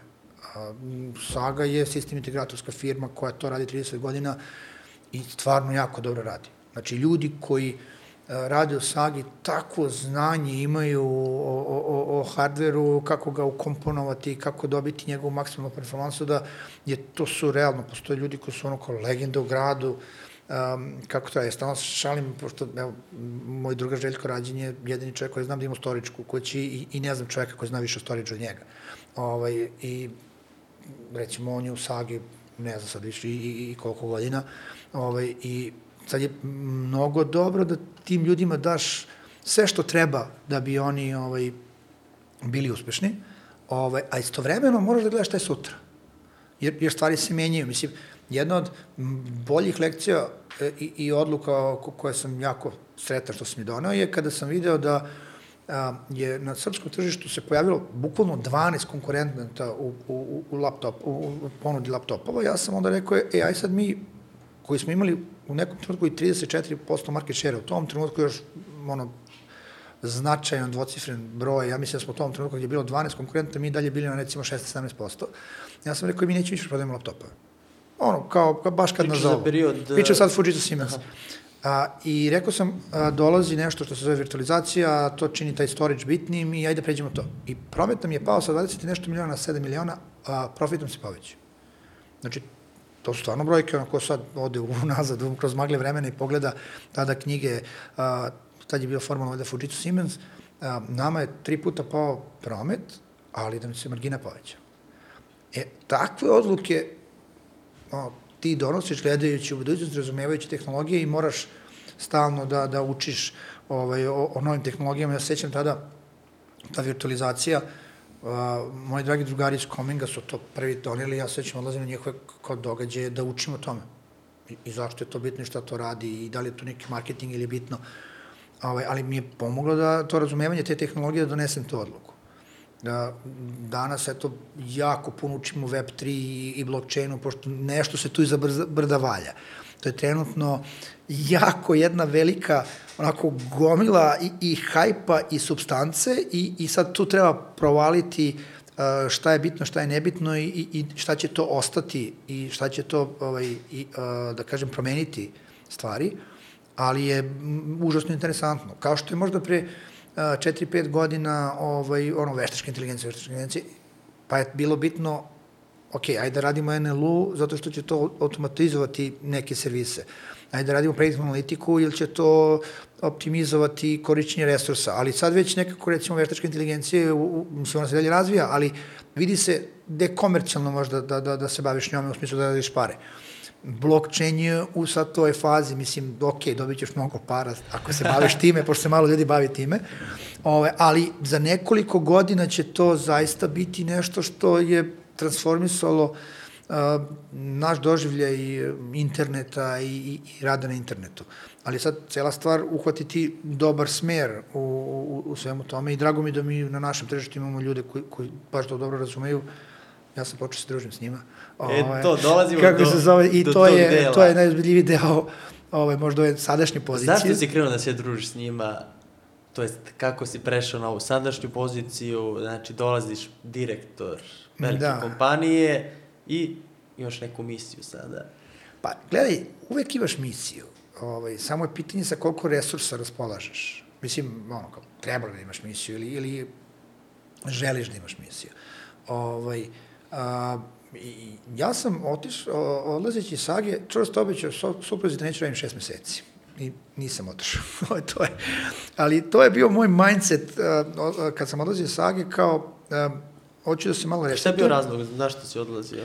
Pa jednostavno, uh, ajde kažem ovako, neke stvari nisam više video kao što je možda trebalo u tom trenutku da se vide iz ugla uh, i, i vlasništva i top menadžmenta, a, a, a još je bila, ono, kao, znaš kako, korona je dosta pojela ljude, mislim, mene je onako, mislim, ja, ja sam stalno imao taj stres, mislim, na, nažalost, u, u Sagi jedan kolega preminuo u toku korone i, i, i ja, ne znam, dok, dok sam živ, ću se vratiti na to, da vrtiš u glavi, da li si nešto mogo drugačije, mislim, ja stvarno nisam mogao i mislim da niko nije mogao, ovaj, da uradi drugačije, ali jednostavno ako si živ čovek, preispituješ se uvek i, i, i, i meni, ja sam bio potpuno apsolutno u tom periodu, ono, ne samo da isplatimo plate, što je izgledalo na samog početka takođe, ono, kao šta će se desiti, da li će stati plaćanja, na cash flow, tada neko me naučio, kao, cash je kralj, hvala mu, cash na računu je uvek dobra stvar, ovaj, ali, znaš, 20 je bila naporna, A, i, i, I 21. je nekako, bar za mene, a vidim da nisam jedini, pošto vidim da je ošte taj ono, broj otkaza i, i menjanja posla ovaj, e, po celom svetu postao velik, ja sam počeo da se preispitujem u što ja to ono, dajem svoju energiju i da li je to baš ono što želim i a, mislim da nas ova cela korona podsjetila na smrtnost i na, na, na, na neke ograničene vremenske rokove koje imamo i, i ja stvarno sam, kažem, em, što mislim da nisam vi neke stvari video kao što se od mene očekivalo kao, kao direktor Sage da vidim. M sam počeo da prispitujem sebe šta je to što ja hoću da radim. A, ja sam nekako, sad već koliko to, tri godine unazad, dosta počeo da, da, da, da, da, da, da se krećem u krugovima ljudi koji su osnivači start-upa ili start-uperi, iz, ne znam ni ja tačno ono kao kako je to krenulo, ali negde, e, nekom sam mogao nešto pomoći, nešto sam bio koristan, nek, nek, neke stvari su meni bile zanimljive iz uh, tehnološkog uh, segmenta, pošto, ajde ovako, uh, ja, ja sam uvek umeren da postoji u, u, u sobi neko pametnije od mene kada je tehnologija u pitanju. Jer ja jednostavno ne mogu sebi da dozvolim na vreme da, da učim o tome, a drugo, ja sam nekako malo i površan i uvek ima neko ko dublje od mene razume te stvari, ja uvek tražim neko ko će da mi ispriča, prevede, razumem i tako dalje. I tako sam negde i počeo sa startupima da se držim, oni jel, rade neke nove stvari, neke nove tehnologije, a onda sam ja počeo da budem njima koristan iz ugla organizacije, iz ugla uh, menadžmenta, iz ugla prodaje, uh, iz ugla marketinga, Ovaj, I onda je sledeći korak bio da, s obzirom da, ajde, ja tu imam neku karijeru za sebe, neke, da kažem, bonuse za sebe, ovaj, imam i, i drugari poznanike u, u sličnoj situaciji, da smo počeli da razmišljamo o investiranju. Ovaj, i, i to je još, tamo negde 2019. smo imali tu ideju koja se sad zove Grupa Anđela u digitalnoj Srbiji, tada je to negde krenulo, pa je korona to prekinula, onda sam ja opet nekako na svoju ruku nastavio tim da se bavim a, i, i, i 20. 21. I ja sam tada negde kao shvatio da od onoga kao što sam iz Printeka zbog manje tima otišao u veći tim Sage, sad shvatio da bi se opet bavio novim tehnologijama, možda mi treba manji tim. I to jeste negde bilo u, u, u, u mojoj glavi, ali mi, ajde, ono, kada da budem potpuno iskren, i ovo prvo što sam napomenuo je ogroman, ogroman, ogroman faktor. Ali u svakom slučaju sam ja mislio idem sad jedno sjajno letovanje na koje dugo nisam bio i zaista je bilo sjajno letovanje, a onda ću da pročitam sve knjige koje nisam stigao da pročitam i da se družim sa klinicima i sve ostalo što a, sam baš teo i ovaj, kako se zove to nisam, ja sam počeo radim u digitalnoj Srbiji, a sa kojom, ajde kažem ovako, a, ja sam za nju čuo onog momenta kada su a, napravili prvi javni događaj u Domu omladine, Fiki mi je pričao da se nešto dešava uh, i možda malo pre toga, ali nisam nešto baš mm, uzimao za ozbiljno, pošto previše se tu velikih imena pomenjalo, pa sam ja po onom dobrom srpskom običaju mislimo, gde će oni zajedno da naprave nešto, recimo se posveđuju treći put kako će bude glavni. O, međutim, daš, kad dođe do, do, do javnog događaja i, i, i ko to je da meni potpuno onako inspirišuće, sećam se, ovaj, Branko i Igor izlazi, pričaju i, i meni kao bilo, kao, znaš, on gledamo oko sebe, i kao da li se ovo dešava kod nas, da, to je kod nas, to je kod nas. Sećam se, sedeo je pored mene Goran Pitić i, i, i nas dvojice smo bili kao, kao neki tinejdžeri na ekskurziji, kao ja, što je ovo dobro, ja, što je ovo dobro i ovaj, e, to je bio neki maj, ako se dobro sećam, u septembru su tada Sože i Saga ušle kao prve članice digitalne Srbije, po, bili su ono devet osnivača, pa a, su ovo prve neke, kako da kažem, prvi koji su se učlanili. Da. Ovaj, tako da, ajde, tu neku ideju, ovaj, taj neki aktivizam koji, koji kad Digitalna Srbija ovaj, donosila sa sobom, ja od, od prvog vagona pratim. Ovaj, I trudio sam se za tih, koliko sad već, četiri godine da budem dobar član, koristan i sve ostalo. I, i mislim da smo neke super stvari radili. I stvarno, ono, kao, baš sam ponosan što, što, što sam, ono, kao, tu i, i što smo se okupili, što, što smo to radili. Uh, Ovaj, I onda kada, a, moram pisam, Petar Jovanović je rekao, ajde da budeš direktor, o, ja sam bio kao fazonu, ma dobro ljudi, i onda se tu nešto još zavrtelo, razgovora, priče, ovaj, u toku leta je to sazrelo kao dobra ideja, i nekako svi razgovori koji su se vodili kao intervjui su meni izgledali kao, pa ja mogu raditi svaki dan sa ovim ljudima, pošto ja, ja stvarno, imaš ono kad pripadaš nekoj grupi, nekoj organizaciji, baš se setim do toga. Kao, ja, ja baš sam, se osjećam cool što sam pričao sa svojom osobom ili sam nekako, mislim, mislim da ljudi u digitalnom servisu jako različiti jedni od drugih. Znači, malo ćeš naći, bez obzira što možda to sa strane kao sve IT-evci. Ma, svako je na svoju foru i prvo nisu IT-evci. ovaj, I onda, kako se zove, ovaj, e, dobiješ priliku da na dnevnom nivou pričaš s njima, radiš, srađuješ, A još jedna stvar koja, moram priznam da mi u toku leta, pošto smo tad već kao krenuli da organizujemo grupu Anđela, ovaj, pa sam ja a, a, počeo da radim sa, to je sad neka treća generacija ljudi u, u kancelariji, znači, u, u, znači kako Digitalna Srbija postoji već toliko godina, smenjivali su ljudi u kancelariji.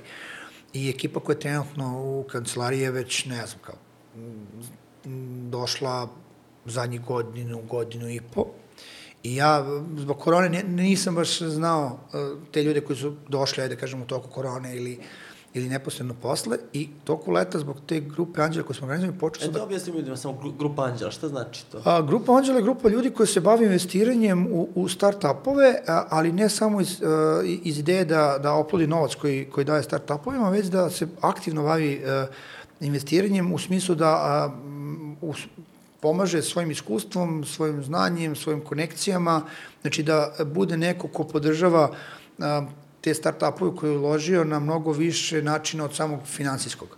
I m, to su, to, te takve grupe postoje širom zapadnog sveta, pa verovatno više 20 godina, o, ne verovatno, nego i možda celih 30.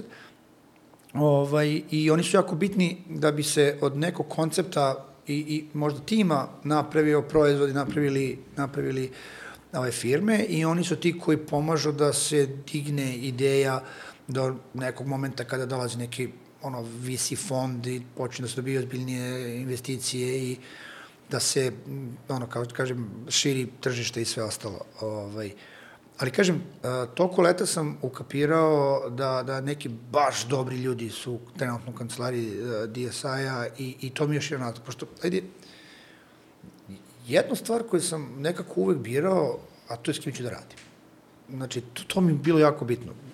Svako od nas kad ode na posao, na tom poslu provede više vremena kod kuće. Mislim, mene to stvarno bolno zvuči, pošto nekako je pogrešno, ali istinito. Ti si sa svojim saradnicima na poslu a, vremenski probao više vremena nego što si probao sa svojom ženom, decom, prijateljima. Ovaj, I onda je meni uvijek bilo logično da to budu ljudi koje, ko, do kojih mi je baš stalo. I, i, i S kojom uživaš? kojima da ono kao neka, ko je neka ono dobra energija, neka kao ono pozitivno takmičenje, negde da, da, da, da jedni drugima kao stalno nešto ovaj, ono, guramo se. I, i, i stvarno, gde god sam radio, a, a to je zato što sam imao svest da, da, da, da, da mi je to bitno. Ovaj, s kim ću raditi, a, baš sam gotivio ljude sa kojima radim. Baš, baš. Ovaj, I učio svakog od njih. Ovaj, I veliki, veliki razlog, između ostalog, pored, da kažem, svih članova DSI-a i opšte misije, e, koju sam ono kao potpunosti kupio još u tom no, domu omladine, na toj prvoj prezentaciji, no, je, je trenutna kancelarija, jer, jer je užasno, užasno ima dobru energiju. I, i, i ima ljude koji stvarno ono kao, ja, ja sad pokušam da budem blag, ali ovaj, u, u smislu, stvarno mogu mnogo da urade i, i, i vredi gurati. Jer uvek, ja mislim da sami sebi iznenađuju šta sve stignu i koliko urade i, i, i to je mnogo, mnogo bitno. Ovaj, I onda ti je kao zadovoljstvo da, da, da, da budeš deo, deo svega toga. Ovaj, tako da, a, nekoliko ima tih razloga, znači počeo sam da se bavim start-upovima i uopšte prije što sam počeo da razmišljam da, da, da, da odem iz Sage, odlaskom iz Sage jedna od stvari koje sam znao da će biti drugačija, to je veličina a, a, uopšte, da kažem, grupacije s kojom se bavim i, i definitivno sam teo da, mislim, toliko se toga dešava u, u, u tim novim tehnologijama i toliko tih tehnologija su kandidat da naprave svet mnogo drugačijim nego što, što je sada i meni je on, želja cool da budem deo toga. Ovaj, I onda se još ispostavilo da eto ima ta upražnjena pozicija, da, da, da svi ljudi s kojima tu treba sarađujem u smislu upravnog odbora i članova su ljudi koje izuzetno poštujem, cenim i volim da radim s njima.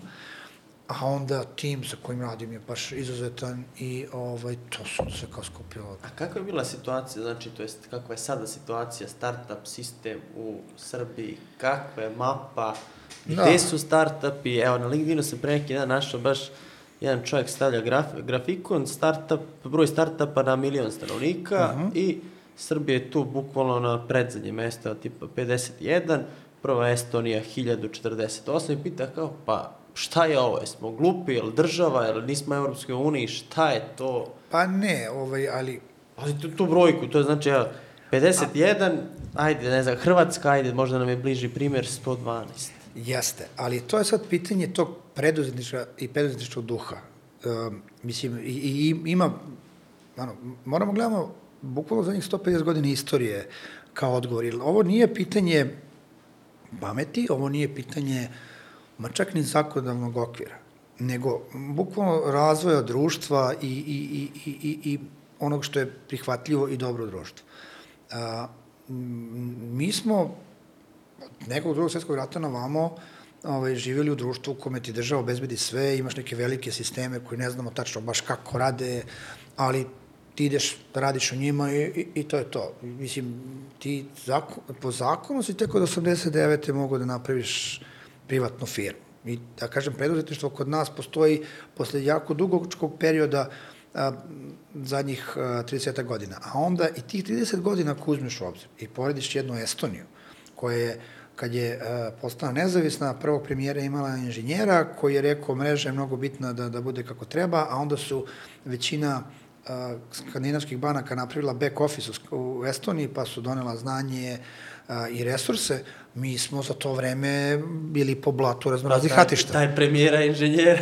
Pa sad, znači, ili to? Ne, ja, ja to sam jednom pitao nekog estonca kao, ono, druže, zašto ti vi stalno dolazite nama da, da, da, da držite predavanje kako treba? U čemu je fora? On kaže, pa mi smo imali prvog uh, premijera inženjera. To mi čovjek rekao, ovaj, sad to je ono malo Da, da, da, da. šala, ali je, mislim, moramo biti svesti šta se dešavalo ovde, šta smo mi radili 90-ih ili čak početku 2000-ih, ovaj, a Ali opet i Hrvati, one, duplo veća brojka. Pa- je li to Evropska unija E, ili ma, ma nije samo Evropska unija, nego je... Nego, manje tržište, manje ljudi, E, ali nije, ali...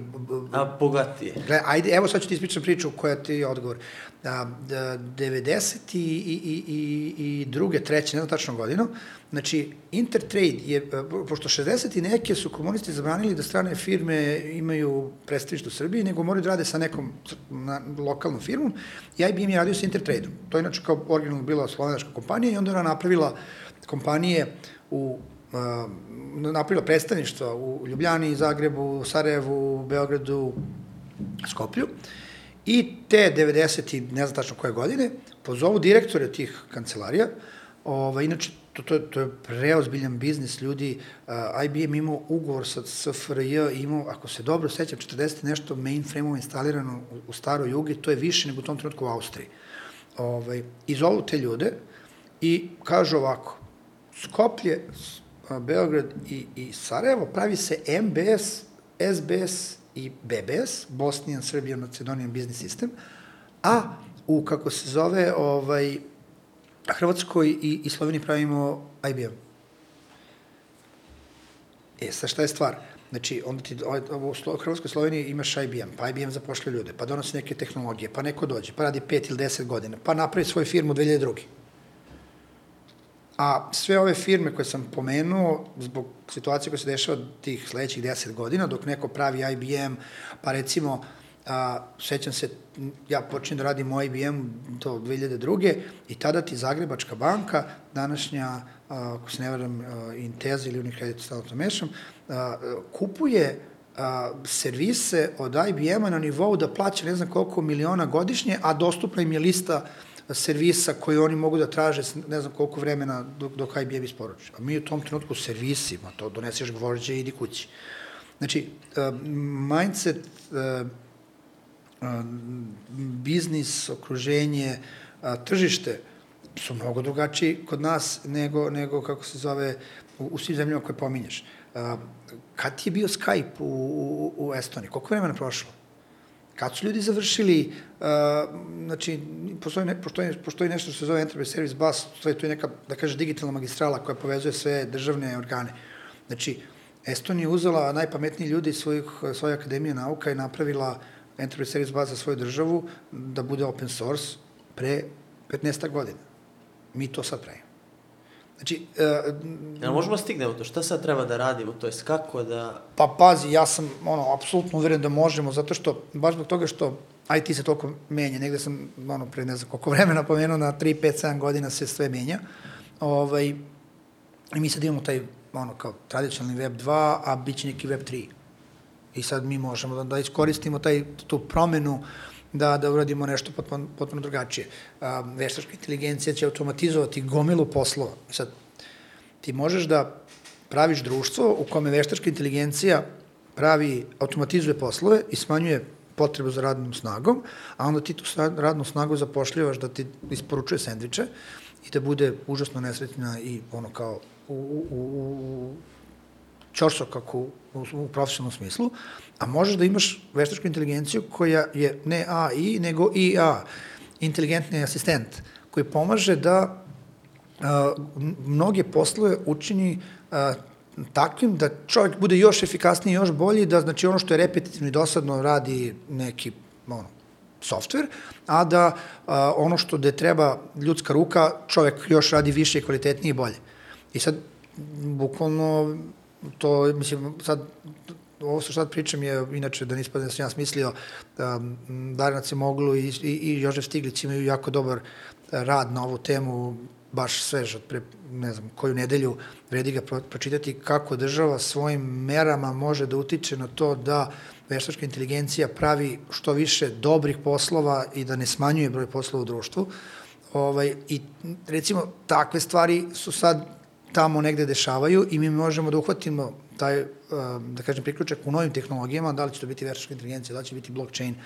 Vidimo da se entertainment industrija uh, ono, silno menja.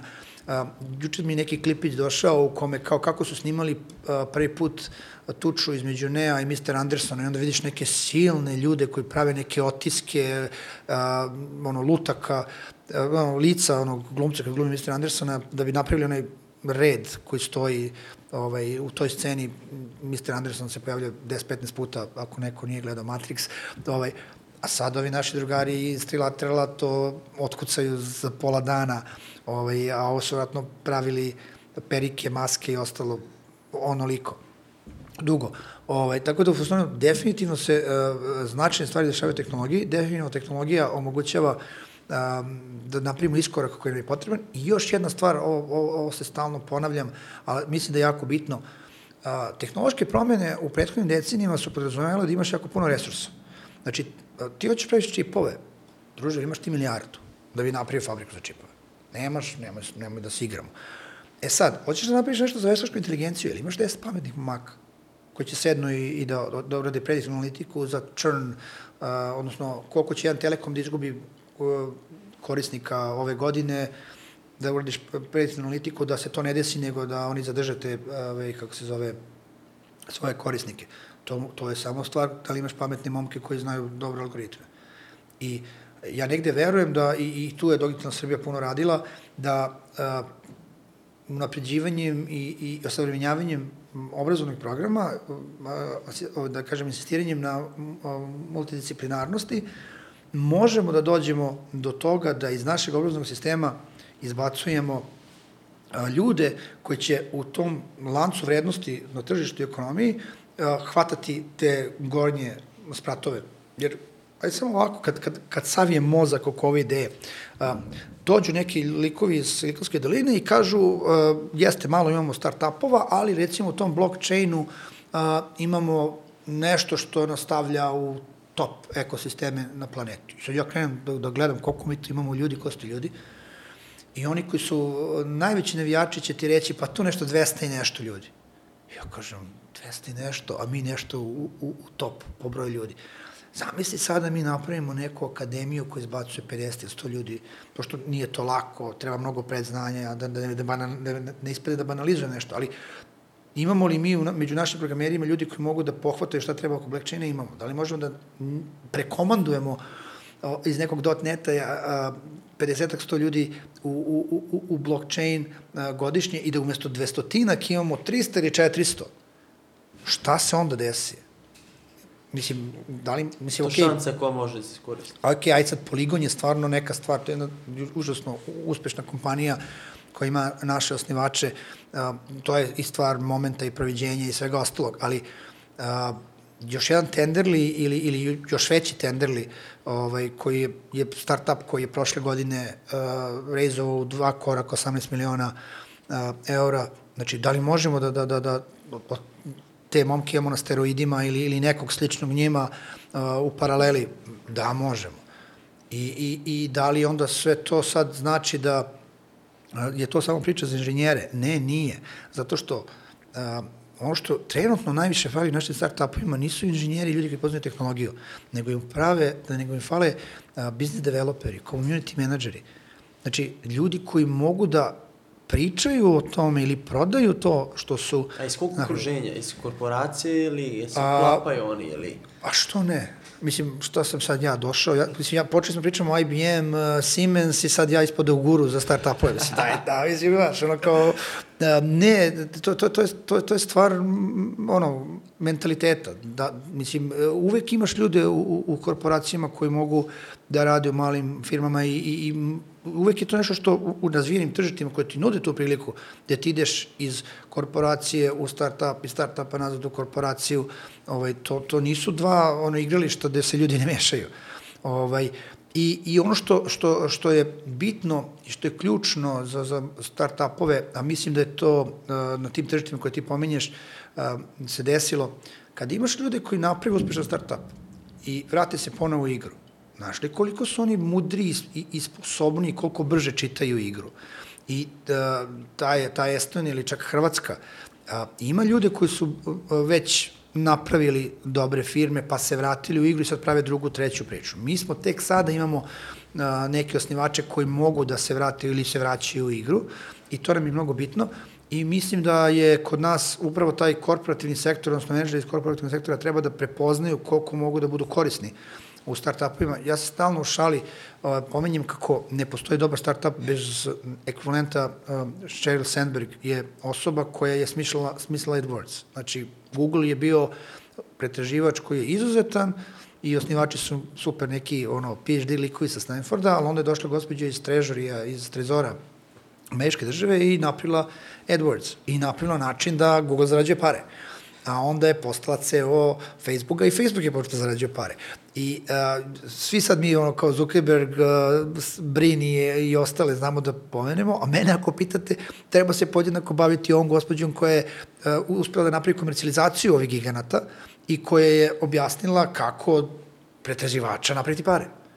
I ono što je trenutno, ja mislim da stojentonci to već nenormalno dobro rade i zato su tu da jesu, a to će biti kao taj skok koji, koji će od našu startup scenu da podigne i po brojnosti i po kvalitetu, a, a to je da ljudi koji razumeju koliko je komercijalizacija bitna, koji znaju kako od, od ideje i tehnologije napraviti novac, krenu da, da uloze u startupove, da budu founderi, da budu CEO-ovi, opet a, taj, kako se zove, Google, dva PhD-a sa Stanforda dovedu preozbiljnog CEO-a Schmidta da vodi firmu.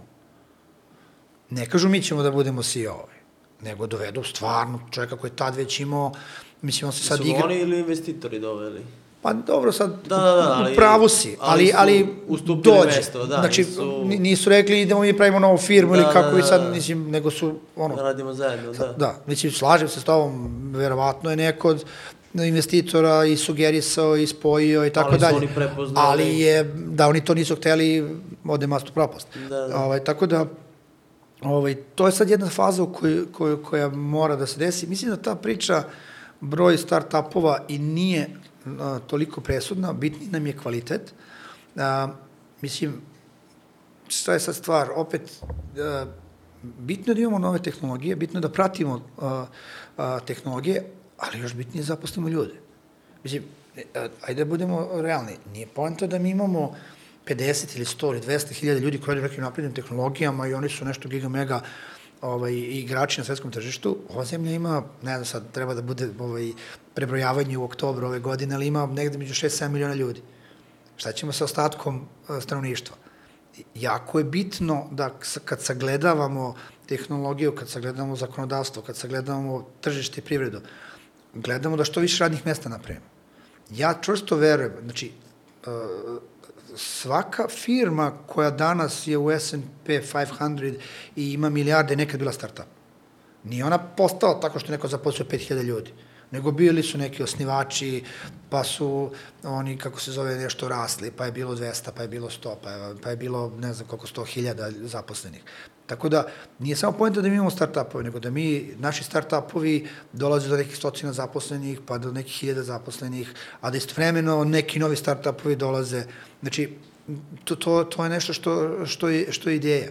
A da ti start-upovi donose nova trž, nove tehnologije, otvaraju neka nova tržišta, a da ovi koji su već sad veliki, ono što sam rekao, znaju kako stave hleb na sto i mnogo su dobri u tome.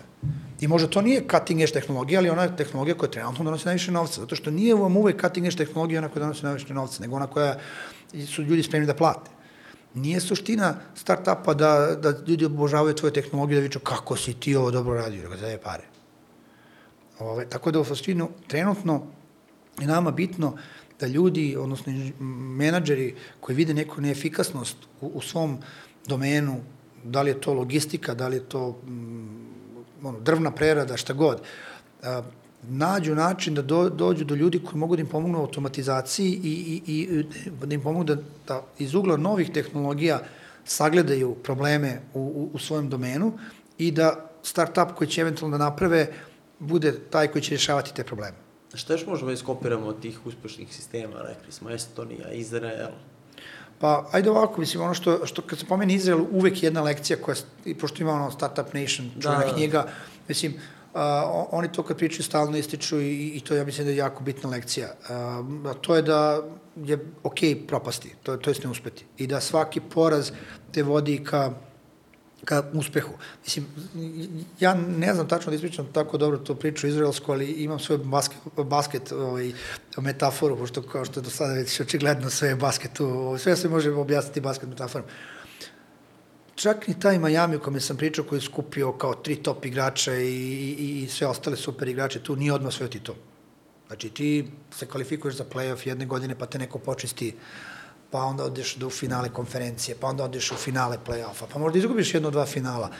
Niko ne osvoji titulu prve godine. Mislim, evo uzmite, mnogo se manje razumemo u futbal, ali uzmite ove silne uh, Manchester City i, i, Pariz, i Pariz i tako dalje. Znači, skup, platiš ti, dođu ti likovi, ali treba da se tu napravi tim, treba vremena da sudije počnu te poštuju, ovaj, da, da, da, da, da, da, da to legne, sve da bi ti mogu da osvojiš titulu. Da, iste priča i, i, i sa, sa startupom.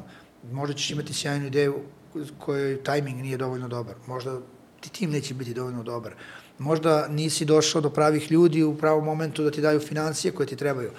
Ali svaki neuspeh te priprema za sledeći uspeh i svaki neuspeh treba doživljavati kao nešto što ti je dalo mišiće, kičmu, izdržljivost da uspeš.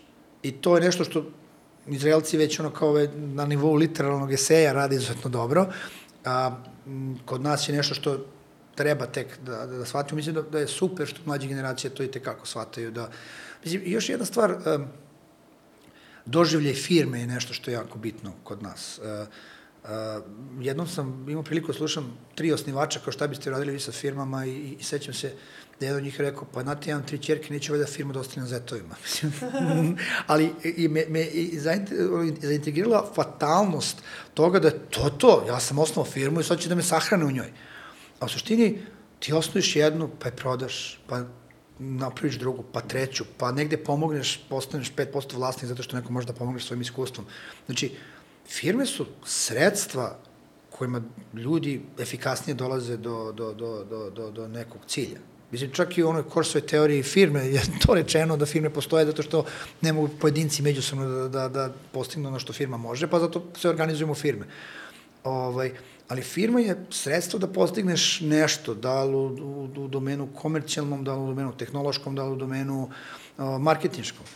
Ali što više ti promeniš tih instrumenta, ako firmu možemo nazvati instrumentom, to si ti bogatiji.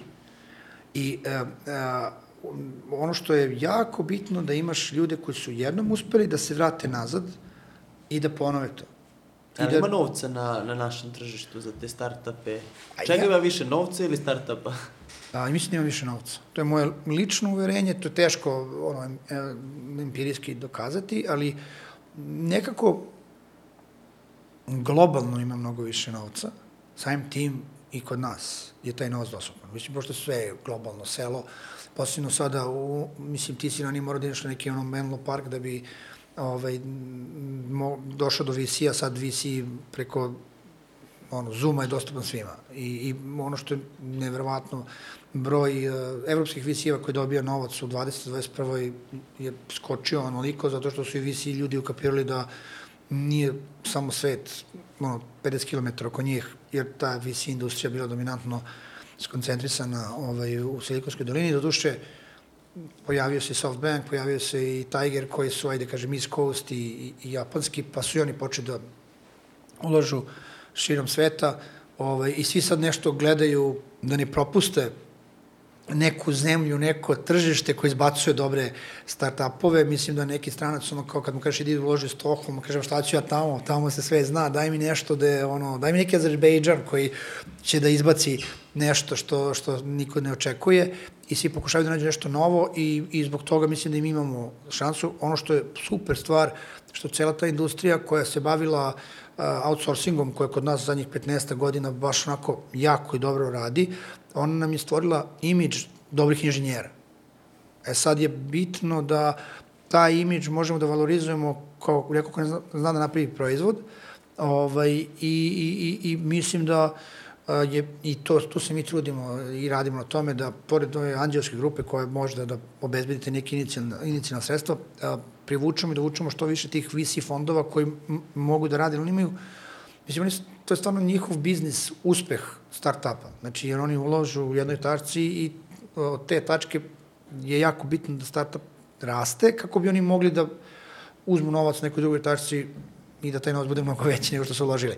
Tako da oni imaju znanje kako da ti pomognu da rasteš i, i da budeš uspešan i bitno je da ih dovučemo na ovo naše tržište, da, da, da ih ima što više i vidimo da za razliku od možda pre dve, tri godine kad je jedan, pa dva, možda visija su bila ovde prisutna u kontinuitetu, sad već imamo neka tri, četiri koja, koja, koja, koja lepo rade i koja su stalno tu i koja su imale velike investicije, recimo prošle godine. Mislim, ono što, što meni super, mi smo u 20. imali 20 miliona novca plasiranih u naše startupove, da bi prošle godine imali blizu 50 Ovaj, I dosta tog novca dolazi od jednog fonda koji je baš onako značajno se, ovaj, da kažem, investirao na naše tržište.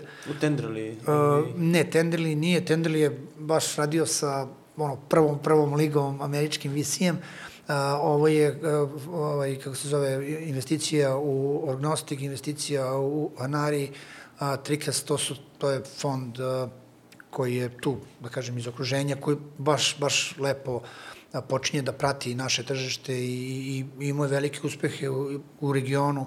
Između ostalog, u I5 je neko iz njihove, da kažem, Ergele, i onda im to daje e, puno mišića za, za, rad i, i, i imao sam par sastanaka s ljudima, ba, baš, baš, su, baš su dobri. El- Ove, tako da u fazonu, ali nam treba još takvih. Jel to menja sad uloge, ne znam, pre pet, ajde, pre dve, tri godine imali smo tu lokalne fondove i to su bile neki niži, niži ulozi i sad kad dođe neki strani fond, kad se promene ti ulozi, jer i ovi ostali menjaju uloge ili Ne, ne, mislim, znači. ne mislim da je to, nije to do fonda što su bili toliki ulozi.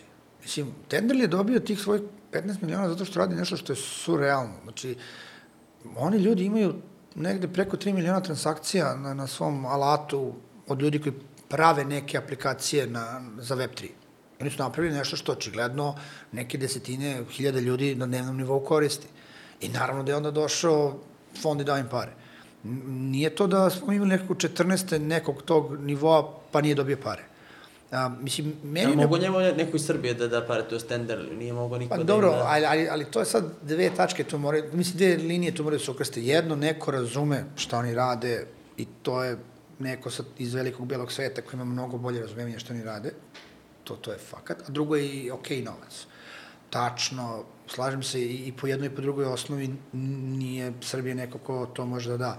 Ali da li može u Srbiji da se skupi, ne znam, pola miliona, milion i po dva, što su, mislim, aj, aj sad ovako ruku na srce, evaluacije koje vidimo zadnje godinu, dve su, su neverovatne. Mislim, samo uporedite prosječnu prvu rundu uh, u 21. sa bilo kojom prethodnom godinom, to je puta nešto. Šta znači to da ima novca mnogo? Pa mnogo je, no, ima nekoliko faktora. Sad ajde, sad ću da pričam ono što sam pročitao negde i moja interpretacija, m, o- želim da stavim disclaimer da je možda to da nisam u pravu, ali a, imamo a, podizanje takozvanog retail investitora, to su ovi obični ljudi koji su dobili ono 1000 dolara od američke vlade, ne, ne idu u restorane i onda su investirali dve. Ovaj, I taj retail investitor je sve prisutniji i vidimo neke potpuno nelogične stvari, ono kao Hertz ode u, u, u bankrot i ljudi kupuju njihove akcije zato što pa kao svi iznajemljuju kola, to mora da je dobra akcija, ne gledaju ništa vezano za tu akciju ili ona čuvena priča onoj radnji za video igrice iz Njujorka i tako dalje. Znači imamo tog retail investitora, odnosno investit, investiranje više nije odabrana ekipa ljudi, nego to baš postalo masovno, a, malte ne kao, e, nije dobro ići u kladionicu, ali super je kupiti akciju kojima ništa ne znaš. Ovaj, I taj retail investitor je bitan. A druga stvar, mislim da a, takođe ovi veliki institucionalni investitori, kao što su, ne znam, penzioni fondovi, osiguranja, a, do pre možda 5 ili 10 godina, a, oni su u svojim portfolijima a, m, smatrali da, da je prevelik rizik da stave nešto što je start-up ili tehnologija. Sad maltene nema tog institucionalnog investitora koji nije na neki način ušao u, u neke nove tehnologije. Jednostavno, i oni su videli da to što su propustili da investiraju krajem 90-ih u u, u gigante današnjeg a, da kažem, tržišta akcija, jer danas kad gledaš ko ima najveću vrednost, Amazon, Netflix, um, Google, Apple. Apple, to su sve kompanije koje, uh, mislim, ti institucijni investitori nisu njih, ili Facebook, nisu njih investirali na početku i onda su mnogo propustili. I sad oni žele to da isprave tako što pokušavaju da nađu neki novi Facebook, neki novi Google i da investiraju njega. I, i onda se tu od institucijnih investitora i od retail investitora slio novac. A, mislim da, nažalost, polarizacija sveta je nešto što se dešava na dnevnom nivou i vidimo da se onako svet deli i mislim da onu obsesiju do, do skora kako ući na kinesko tržište se malo menja sa time, pa dobro je nešto i na Balkanu, ne mora se o Kini, ovaj, kako se zove, tako da i, i to je treći faktor, ali sve u svemu na zapadu se novac sve više ovaj, da kažem, čini dostupnim za nove tehnologije, jer na kraju krajeva a, imate potpuni nonsens da Tesla vredi više nego svi ostali proizvođači automobila zajedno ili, ili slično. Mislim, govorimo o njihovoj ono, zadnjih 100 godina. Pa, pa mislim, na, na, ne govorim niko, ni, ono, njihovoj vrednosti na berzi, sad mi možemo da pričamo zašto, kako, a, neko će reći oni imaju najbolji softver na svetu, neko će reći oni kontrolišu potpuno svoje proizvodnje, mislim, ono što je potpuno nonsens, neko će doći sada i reći, e, ako hoćeš Teslu, ne moraš da čekaš, jer oni potpunosti kontrolišu svoju proizvodnju,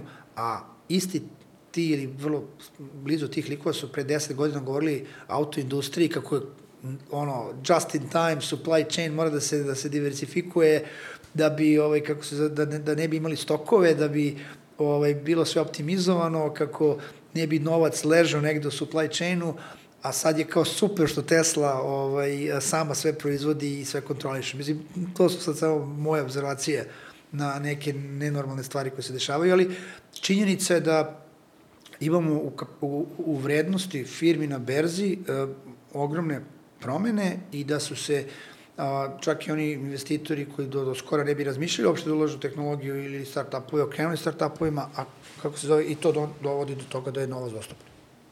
To je.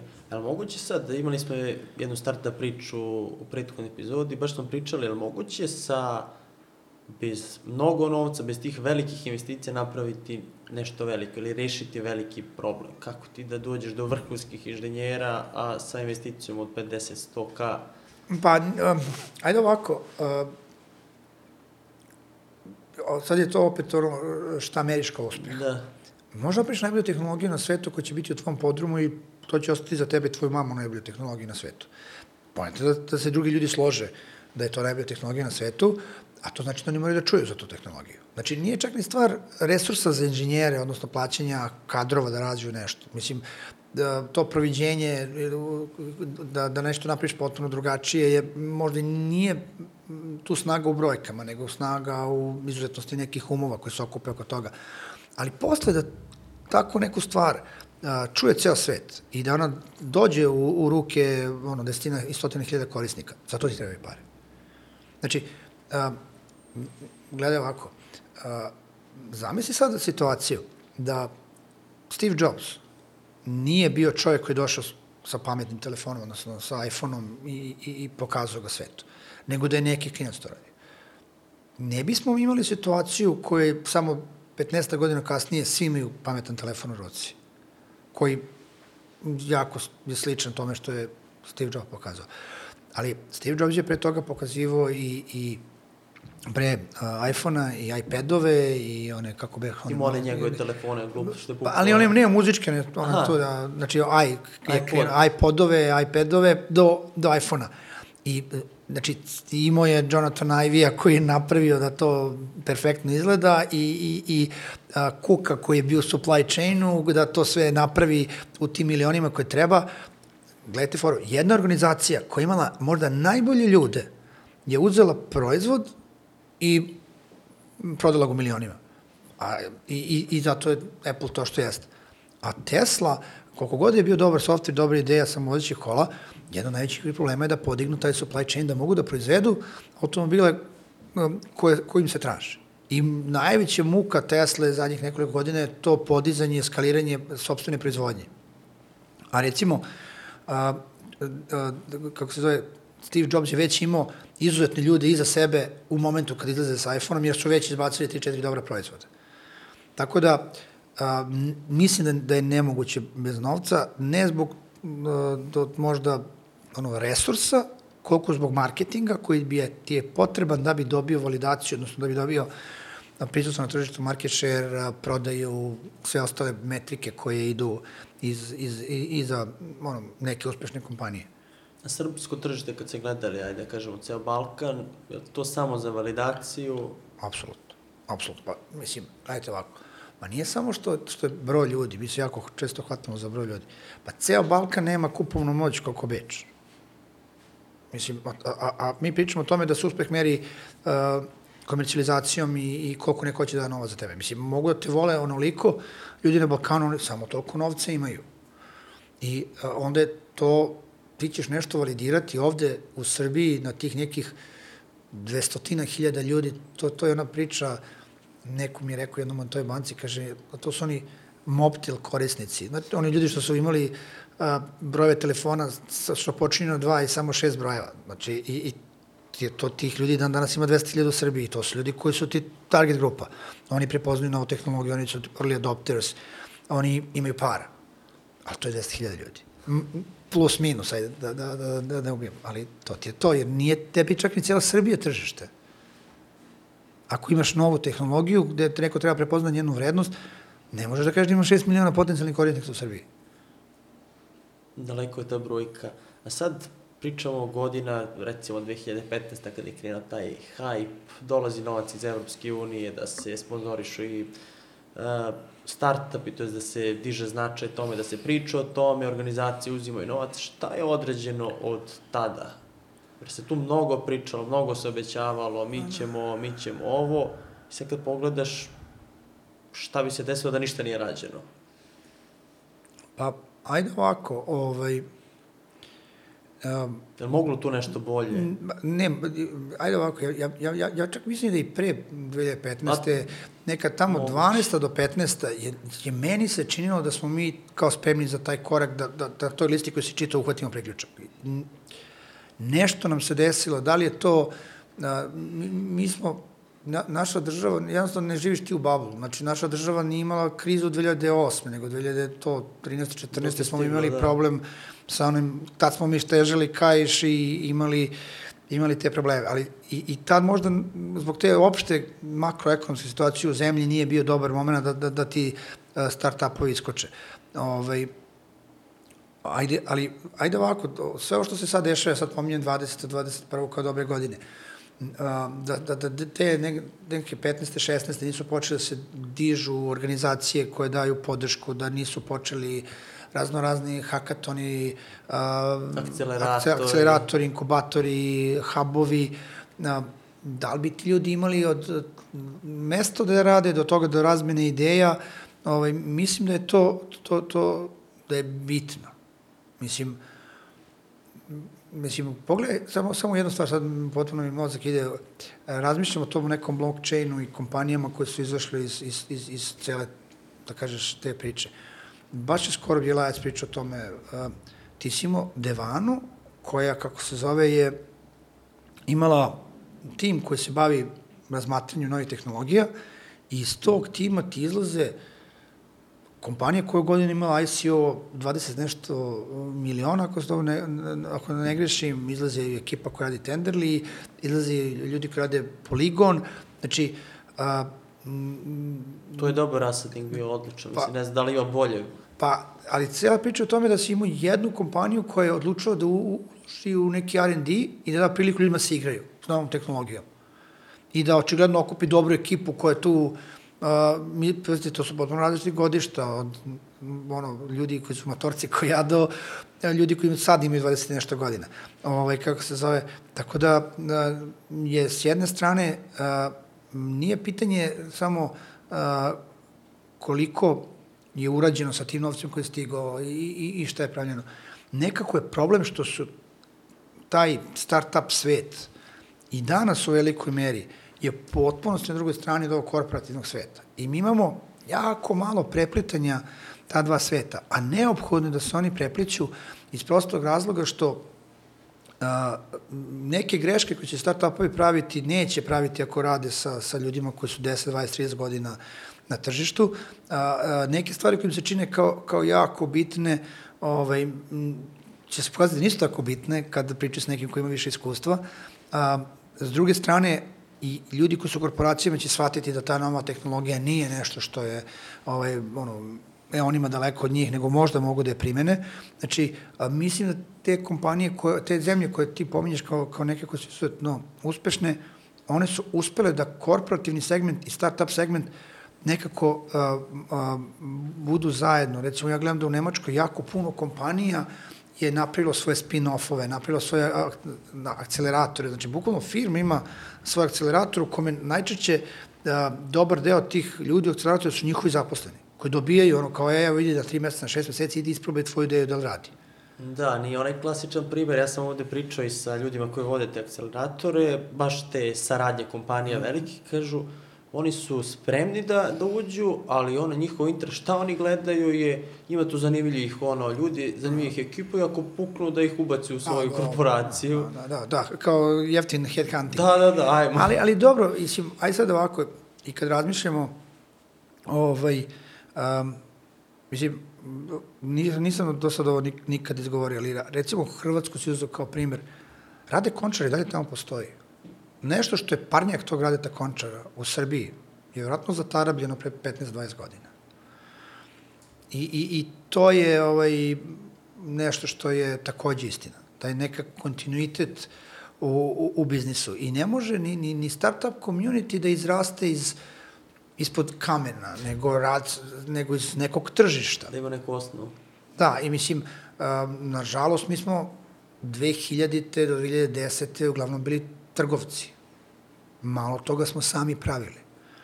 A, i, I možda ti to razlog zašto je, kako se zove, kod nas manje nego u, u drugim firmama ima start-upova, zato što evo, sad je meni super, gledao sam neke mašince koji rešavaju neki problem vezano za autoindustriju, ali to nikad ne bi rešili da nisu ljudi radili u autoindustriji.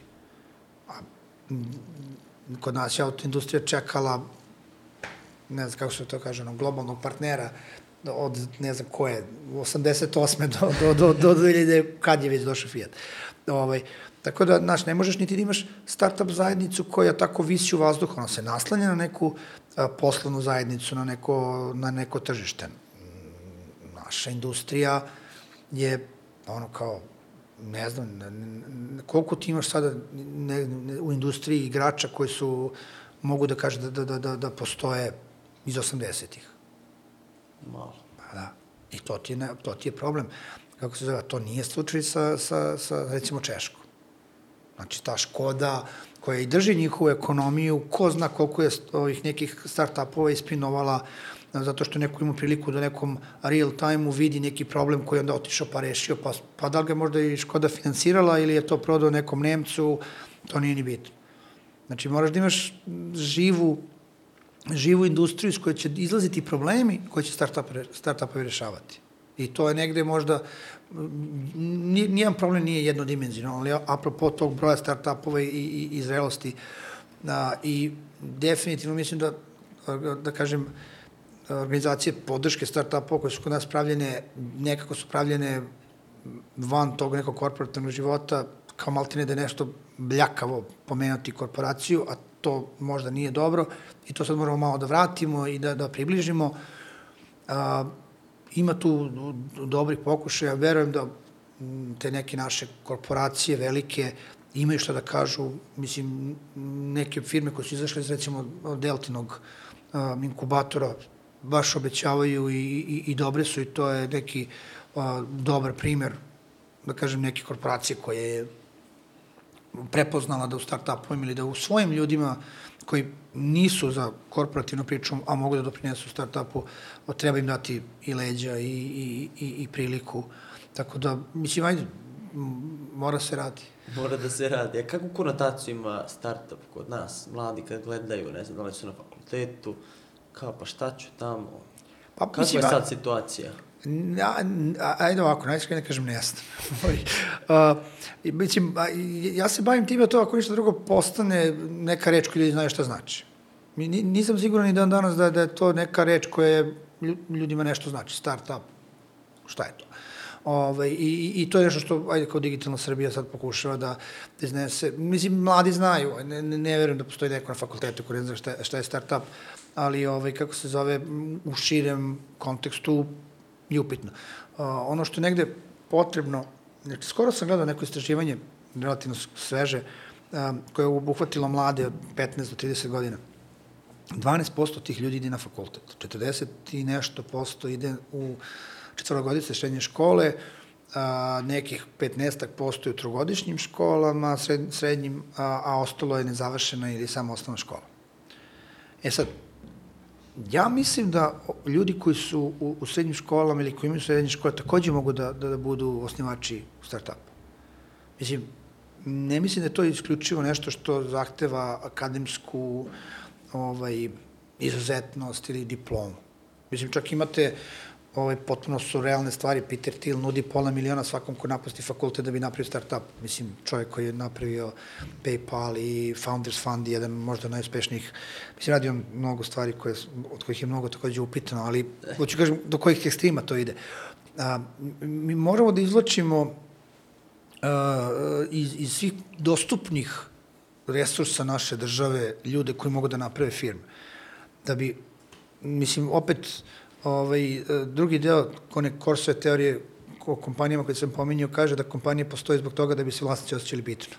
Ovaj, znači, a, da, da izvučemo iz tih srednjoškolaca a, neko ko će da napravi start-up kompaniju ili ne kažem ono sa 19 godina da napravi, nego da je ušao u neku firmu, nešto radio, vidio nešto ne radi, a, a, pa inovirao. Mislim, to, to, mi, ajde zvuči malo onako kao sad kad pričamo o tome koliko će zaista da mi poveruje, ali mislim da, da, da je to moguće. A da ne pričamo o tome što na fakultetima, a, mislim, ja ne mislim da su osniva, da su ljudi na fakultetima osnivači startupova, da je presudno da oni budu.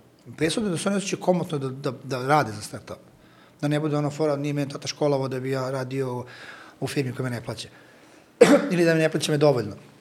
A nego da to, da, da posao startupu i posao velikoj korporaciji gledaju kao ono, iskustvo za, za učenje. Jesu za to neophodni primjeri, da vidimo primjere iz okoline, evo ga, uspe ovaj, uspe ovaj. Pa dobro, uvek to pomaže. Mislim, gledajte, da, da, ja znam, kako znam da će neki sport da bude dobar u, u našoj zemlji, pa kada sam video prvi put klince, ovim dečake kako uzimaju devojčicama lastiž i od njega prave odbojkašku mrežu, znao sam da će nešto biti od odbojke u Srbiji. Mislim, to je bilo ono kad su, kad su Brđević ekipa i, i mladi Grbići počeli da dobijaju i jedno nisu mogli da dobiju italijane, to ne seća se godina smo čekali da dobiju italijane, ali kad su počeli da osvajaju nešto i da, da, da idu ka tim titulama početkom 90-ih, onda su, seća se, bukvalno sam vidio taj moment, ono kao sad lastiš, postaje mreža za odbojku. Jedno su rekao, ovo odbojka će nešto, od, od ove odbojke će biti nešto u ovoj zemlji i, i evo, gledajte, sada, 30 godina kasnije smo kao i u muškoj i ženskoj odbojci sila. Ovaj, treba vremena, treba, treba, treba ljudi koji su idoli. Mislim, ali gledajte sad priču. A, trebaju vam braće Grbić, ali vam treba i Borivo i Boričić. Znači, treba i neko da organizuje, ali trebaju ljudi koji mnogo dobro rade to što rade, pa još imaju taj neki ono ličnost koju je, koja je onako ovaj, zanimljiva i, i, i, i dobra za praćenje i dobar uzor, dobar model, mislim, da li postoji nekako onako u pozitivnom ludačkom smislu veći ono posvećenik nečemu nego kad vidite ono Nikolu Grbića, ono mislite čovjek će se zapaliti zato što neko nije udario loptu kako treba, a s druge strane o Vladimiru pričati bilo šta o, o ludosti i posvećenosti, ali to su ti likovi koji su mm, ono, doveli do toga da danas imamo u odluči to što imamo. Mislim, sad uzimam potpuno, pokušavam se odmakne do basketa. Ovaj, ali, ali jeste, potrebni su ljudi koji, koji, koji ono kao, mogu da naprave uzore. I da neko kaže, ja hoću da budem kao on. Isto je to i, i, i u start-upu. Ali, zašto pričam o, o ovoj dvojici? Zato što nisu oni samo izuzetni o- odbojkaši. U svemu što sad rade, pošto sad već imamo, imamo priliku da ih pratimo i, i posle završene igračke karijere, u svemu što oni rade, oni su izuzetni. Dobar su primer kao ljudska bića, dobri su primer kao komšije, dobri su primer kao, kao članovi društva. I onda je to nešto kao, sjećam se ono kao, kad, kad ti kažeš nekom roditelju da hoćeš da ideš neki sport, ja verujem da danas neko kaže dobro je društvo tamo. Kao nemoj na taj sport tamo su, ali ovo ovde kao dobro društvo. I recimo, odbojka mislim da ima taj imidž, kao to su sve dobri momci. Isto tako je bitno da, da kažem, u start-up zajednici, ljudi koji su uspešni, a, budu i ovo što sam naveo, i, i dobri članovi društva, i dobri, dobre komšije, i, i, i uzori budu. Jer onda će neko reći, ja ću da budem. To, to, je, to je jako teško. Ne može svako to da bude. Mislim, neko je samo dobar u, ono, igranju svog sporta. Nije to za svakog. I ne znači da je taj, ono, nije dobar odbojkaš. Ima sjajnih odbojkaša koji nisu možda za, za, za tu društvenu, javnu ulogu koju ova dvojica mogu da, da, da popune i kao treneri ili kao, kao, kao aktivni članovi društva. Ali je super da ih imamo.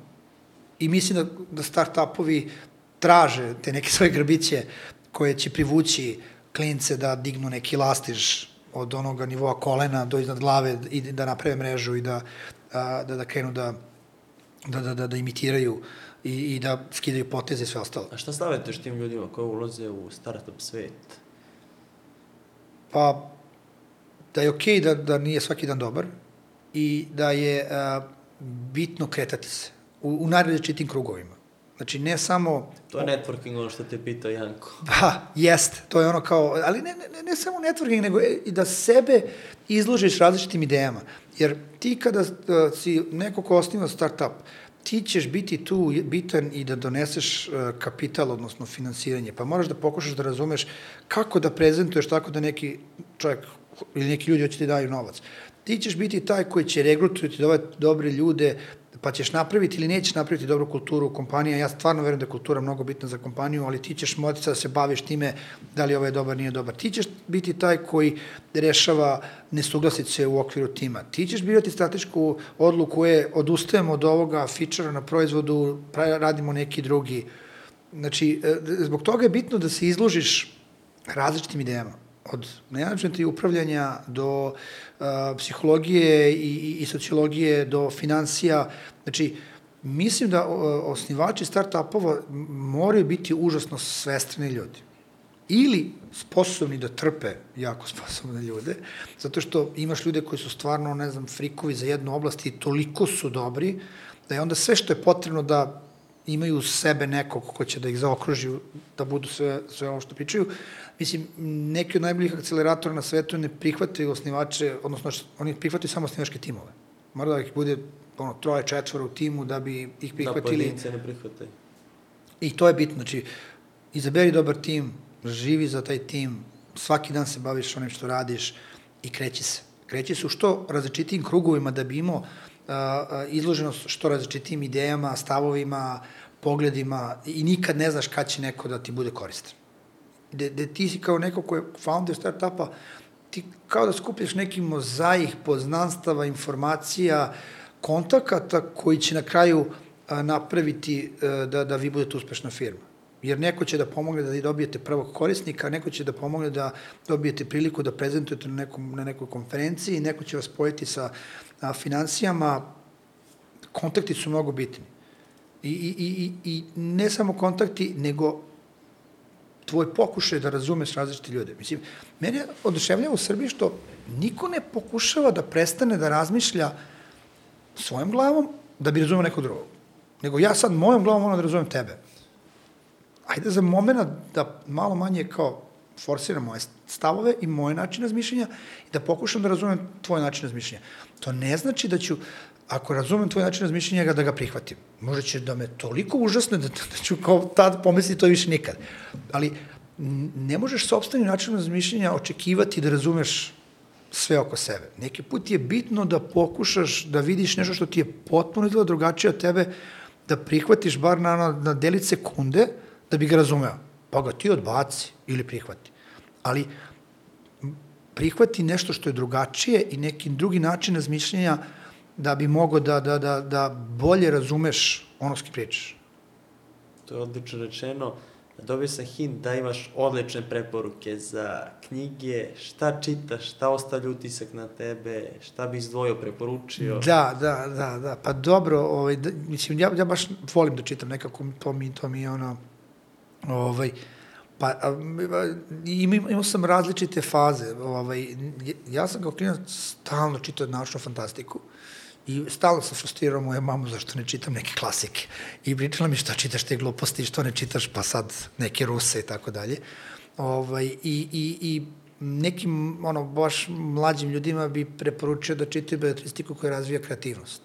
Znači, ono, kao, bilo šta što, što, što, što razvija kreativnost, analitičnost, gde se ko nađe. Ovaj, nekako, ja sam uvek voleo lepu reč, kad je nešto onako lepo zvuči. Ovaj, I Amin Maluf je pisac koji, mislim, čak i u prevodu ta lepota ovaj, njegovih reči izlazi. Ja nikad ga nisam čitao na francuskom, što je katastrofa, s obzirom da sam ribnikarac i učio sam deceniju više francuski. Ovaj, čitao sam na engleskom i na, na srpskom, ali Amin mi je jedan od omiljenih uh, pisaca i mislim da teme kojima se on bavio, kako odlazeći u istoriju, tako do ovih savremenih pride, on čovjek ima i, i beletristiku i neke ono, eseistiku stvari ovaj, kojima se bavi, ovaj, meni je on zaista mogu da kažem, ako, ako je drugo po broju knjiga njegovih koji sam pročitao, Amin Maluf bi mi bio ono, jedan od, od omiljenih pisaca, a nekako on je čovek uh, iz Libana, otišao je u Francusku um, i, i, i to celo nasledđe koje je ponao sa sobom zbog građanskih ratova i svega ostalog što se tamo dešavalo, to dosta rezonuje sa i, i mojim ono, životnim iskustvom i ono što se dešavalo u moje zemlje, tim građanskim ratom koji je negde obeležio, da kažem, moje odrastanje i sve ono što je izašlo iz tog građanskog rata i tako dalje. Ovaj, tako da i tu mislim da, da neki sensibilitet njegovog pisanja a, mi leži, a ove, što se tiče ovih nekih a, ono, stručnih, stručnih stvari, ovaj, e, stvarno e, ovaj, Acemoglu ima nekoliko baš dobrih knjiga koje na neki potpuno novi način e, se bave pogledom kako na istoriju, tako i na uopšte organizaciju ovaj, ljudskog društva, ovaj, Rodik, tu, sam, to, je, to je sve Boston, takozvana B linija, ono, MIT pa Harvard, ovaj, kako se zove, da, i on je, i on je izuzetan mislilac koji na, na interesantan način ovaj, prezentuje, prezentuje stvari, o, njih dvojica trenutno su možda nešto što kad god izađe nešto vidim šta su pisali, ovaj, i, i mislim da nisam, da, da sam potpuno, potpuno sam u hajpu to, ali, ali stvarno ljudi neviđeno pišu i kapiram da je to nešto što kad odeš na neke, ono, kao LS ili gde već možeš, to će ti preporučiti da čitaš, ali nešto ljudi rade neverovatno za njih desetak godina, ovaj, e, čak ovaj, gospodin Vujović, ministar financija, prethodni isto, kao kad, ga, kad su ga negde pitali, slušao sam kao rodik, to je to. Tako da, ovaj, da, to, to su stvari, isto neke, te neke ekonomske misli, a, ljudi koji će se bave upravljanjem, menadžmentom, a nisu Čeka Drakera mnogo čitali, mislim da su nešto propustili.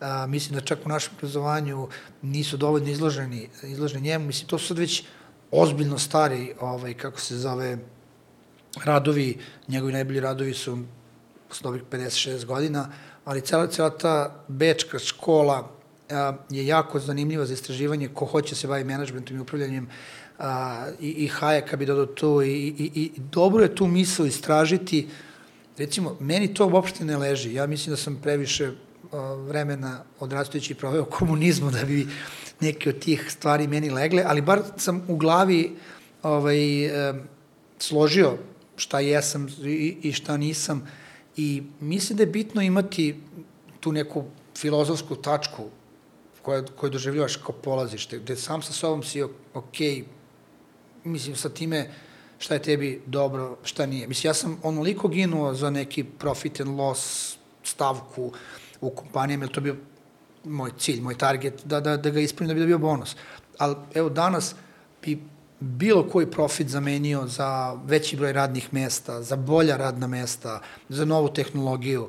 Uh, i, I mislim da sam sad zadnjih nekoliko godina kad sam dobio priliku to i radio. Neću se sad možda radovati ovaj za koje sam radio, ali ovaj, mislim da sam dobro investirao, ako ništa taj neki njihov profit.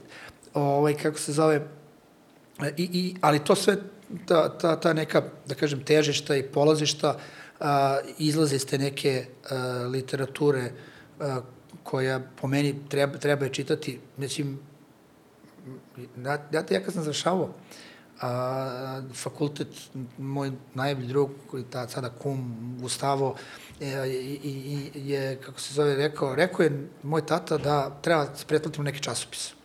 Što? Pa rekao je da to kao moram da imam neki časopis koji čitam kao čak će prvu godinu onda nam plati, samo da se nešto preplatimo čitam, pa ja ono kao 21 godinu. Daj Playboy, ja. pa mislim da to nije bilo na listi onog što je teo da plati. Ja sam se pretplatio na londonski ekonomist. Londonski ekonomist je verovatno po filozofiji, po stavovima koje gura, užasno suprotno no, novina mojim stavovima. Ali evo, sem 2004. kad sam bio u vojsci, sam pretplaćen na londonski ekonomist od diplomiranja do danas I, I najčešće kad čitam nešto, tamo kako iznerviram se kao vi šta piše, ali mi je super da čitam te, da kažemo ono, liberalno, ekološko liberalne teme a, i uopšte taj neki pogled na kapitalizam koji je po meni malo brutalan, ovaj, kako se zove, kao nešto što je ono kao, e, ja ovo ne volim, ja ovo meni se ne sviđa, ja hoću da nađem neki, neki drugi način. Ja mislim da se današnjem svetu, i to je problem ne samo našeg društva, nego celog zapadnog društva, ljudi su se previše ono, asocirali samo na svoja plemena. I samo je naša rakija najbolja, samo naš ajvar najbolji i niko ne pravi ništa bolje od nas i samo mi i samo neke ideje, stavove koje ono, deset tvojih drugara ima, ti doživljaš kao validni. Ma sve što je drugačije od toga je kao bljak, neću da pričam o tome. A mislim da baš treba da, da, da, da se izlažeš stvarima koje su drugačije od, od, od tvog stava i mišljenja i da bi sebe izazvao ovaj, da, da vidiš da li, da li su tvoji stavovi dovoljno čvrsti. Recimo, ja se stalno šalim sa drugarima iz Mokragovske škole, kad odem gore, ovaj, sav taj njihov antiglobalizam i sve ostalo što oni zastupaju je iz, sjajan izazov za sve moje stavove da proverim da li su ja u pravu ili nisam. I jako volim da odem gore, da li na predavanja, da li da ovaj, se čisto družimo, zato što a neka, ne, u nekim stavima postanemo mekšija, a u nekim još i tvrđi. Jer kao izazvali su me i, i, i taj stav je kod mene sad ono kao dominantan i to je to. Znači, lako je verovati u nešto što niko ne izaziva. Ali ako ti konstantno od samog sebe pa do ljudi oko tebe stavljaš svoje verovanja i stavove na, na ispit i ta verovanja i stavovi opstaju, onda je to nešto vredno borbe, vredno tvoje energije. U suprotnom, ovaj, ti si ono kao potpunosti u sobstvenoj glavi, u sobstvenom dvorištu i, i, i misliš da je ceo svet uh, ta, to drvo koje ti raste, raste ispod prozora. Ne vidiš, ne znaš ni da postoje prašume i šume. To je to. Ubili smo dva sata i jače. Šta te nisam pitao, a volio bi da podeliš sa publikom? A, pa dobro, to jeste ovo sve nekako bilo iz ono, baš zone komfora, uh, zone komfora moje, ovaj, pa ne znam šta, šta me nisi pitao, ali ajde, evo ovako, šta, kako, kako bih ja opisao za 3-4 godine a, uopšte našu tehnološku scenu. Pošto meni su start-upovi segment jedan, u koji mislim da vredi mnogo se ulagati, ali segment onoga što je, da kažem, tehnološka scena. A, a ja želim da verujem da imamo kapaciteta, da imamo odlučnosti, da imamo ljude koji mogu da za recimo 3-4 godine naprave od da ovde imamo naše kompanije koje su najbolje u nečemu što je globalna utakmica, da, da će drugi ozbiljni igrači u tim oblastima dolaze da, da, da, da rade sa nama, to se već pokazalo. Ljudi su napravili jednu super skadu, momci iz, iz, iz Novog Sada i onda je došao Schneider da, da radi s njima ili kupio ih. Mislim, to tako dođe izgleda kad radiš to, on dođe pa te kupe, ali nema veze, sada je Schneider tu, od DMS i dalje šljaka, odnosno ekipa.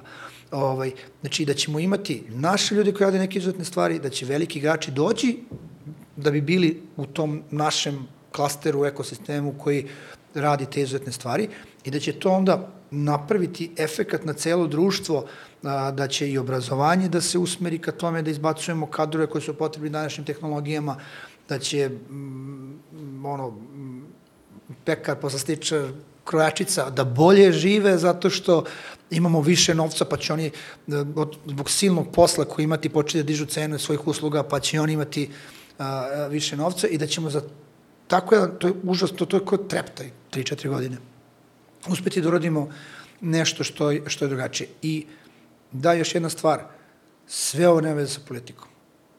politika nam je previše ovaj, zatrovala način razmišljanja, sve gledamo kroz politiku, a sve što sam ja sad ovde stalno dva sata pričao, ima nula politike u sebi. Samo ima ono jednu prostu stvar da veruješ u sebe i kad se ujutru probudiš, radiš ceo dan i kad zatvoriš oči, čini ti se padaš unazad od umora, ti otvoriš oči i uradiš još nešto. I na kraju je politika nešto što je ono dogovor društveni kako ćemo da ono, redistribuiramo određena sredstva koje smo napravili, da li ćemo da ih ulažemo u zdravstvo, obrazovanje, staračke domove ili šta li već možda bude nešto što društvo treba da se dogovori. Ali ovo što sam ja pričao, što je vezano za ekonomiju, što je vezano za nauku, što je vezano za a, samo društvo, sociologiju, psihologiju ljudi, razvoj ljudi, to nema veze sa politikom. I ljudi, ne treba nam politika da bismo živeli. Jaka poruka za kraj. Nebojša, hvala ti što si bio gost Biznis priča. Hvala Ali... vama i ovo, bilo mi baš zadovoljstvo, uživo sam u razgovoru. Takođe, a vi ako volite starta priče, imate prethodnu epizodu gde je bio gost Luka Trikić, pa izvolite.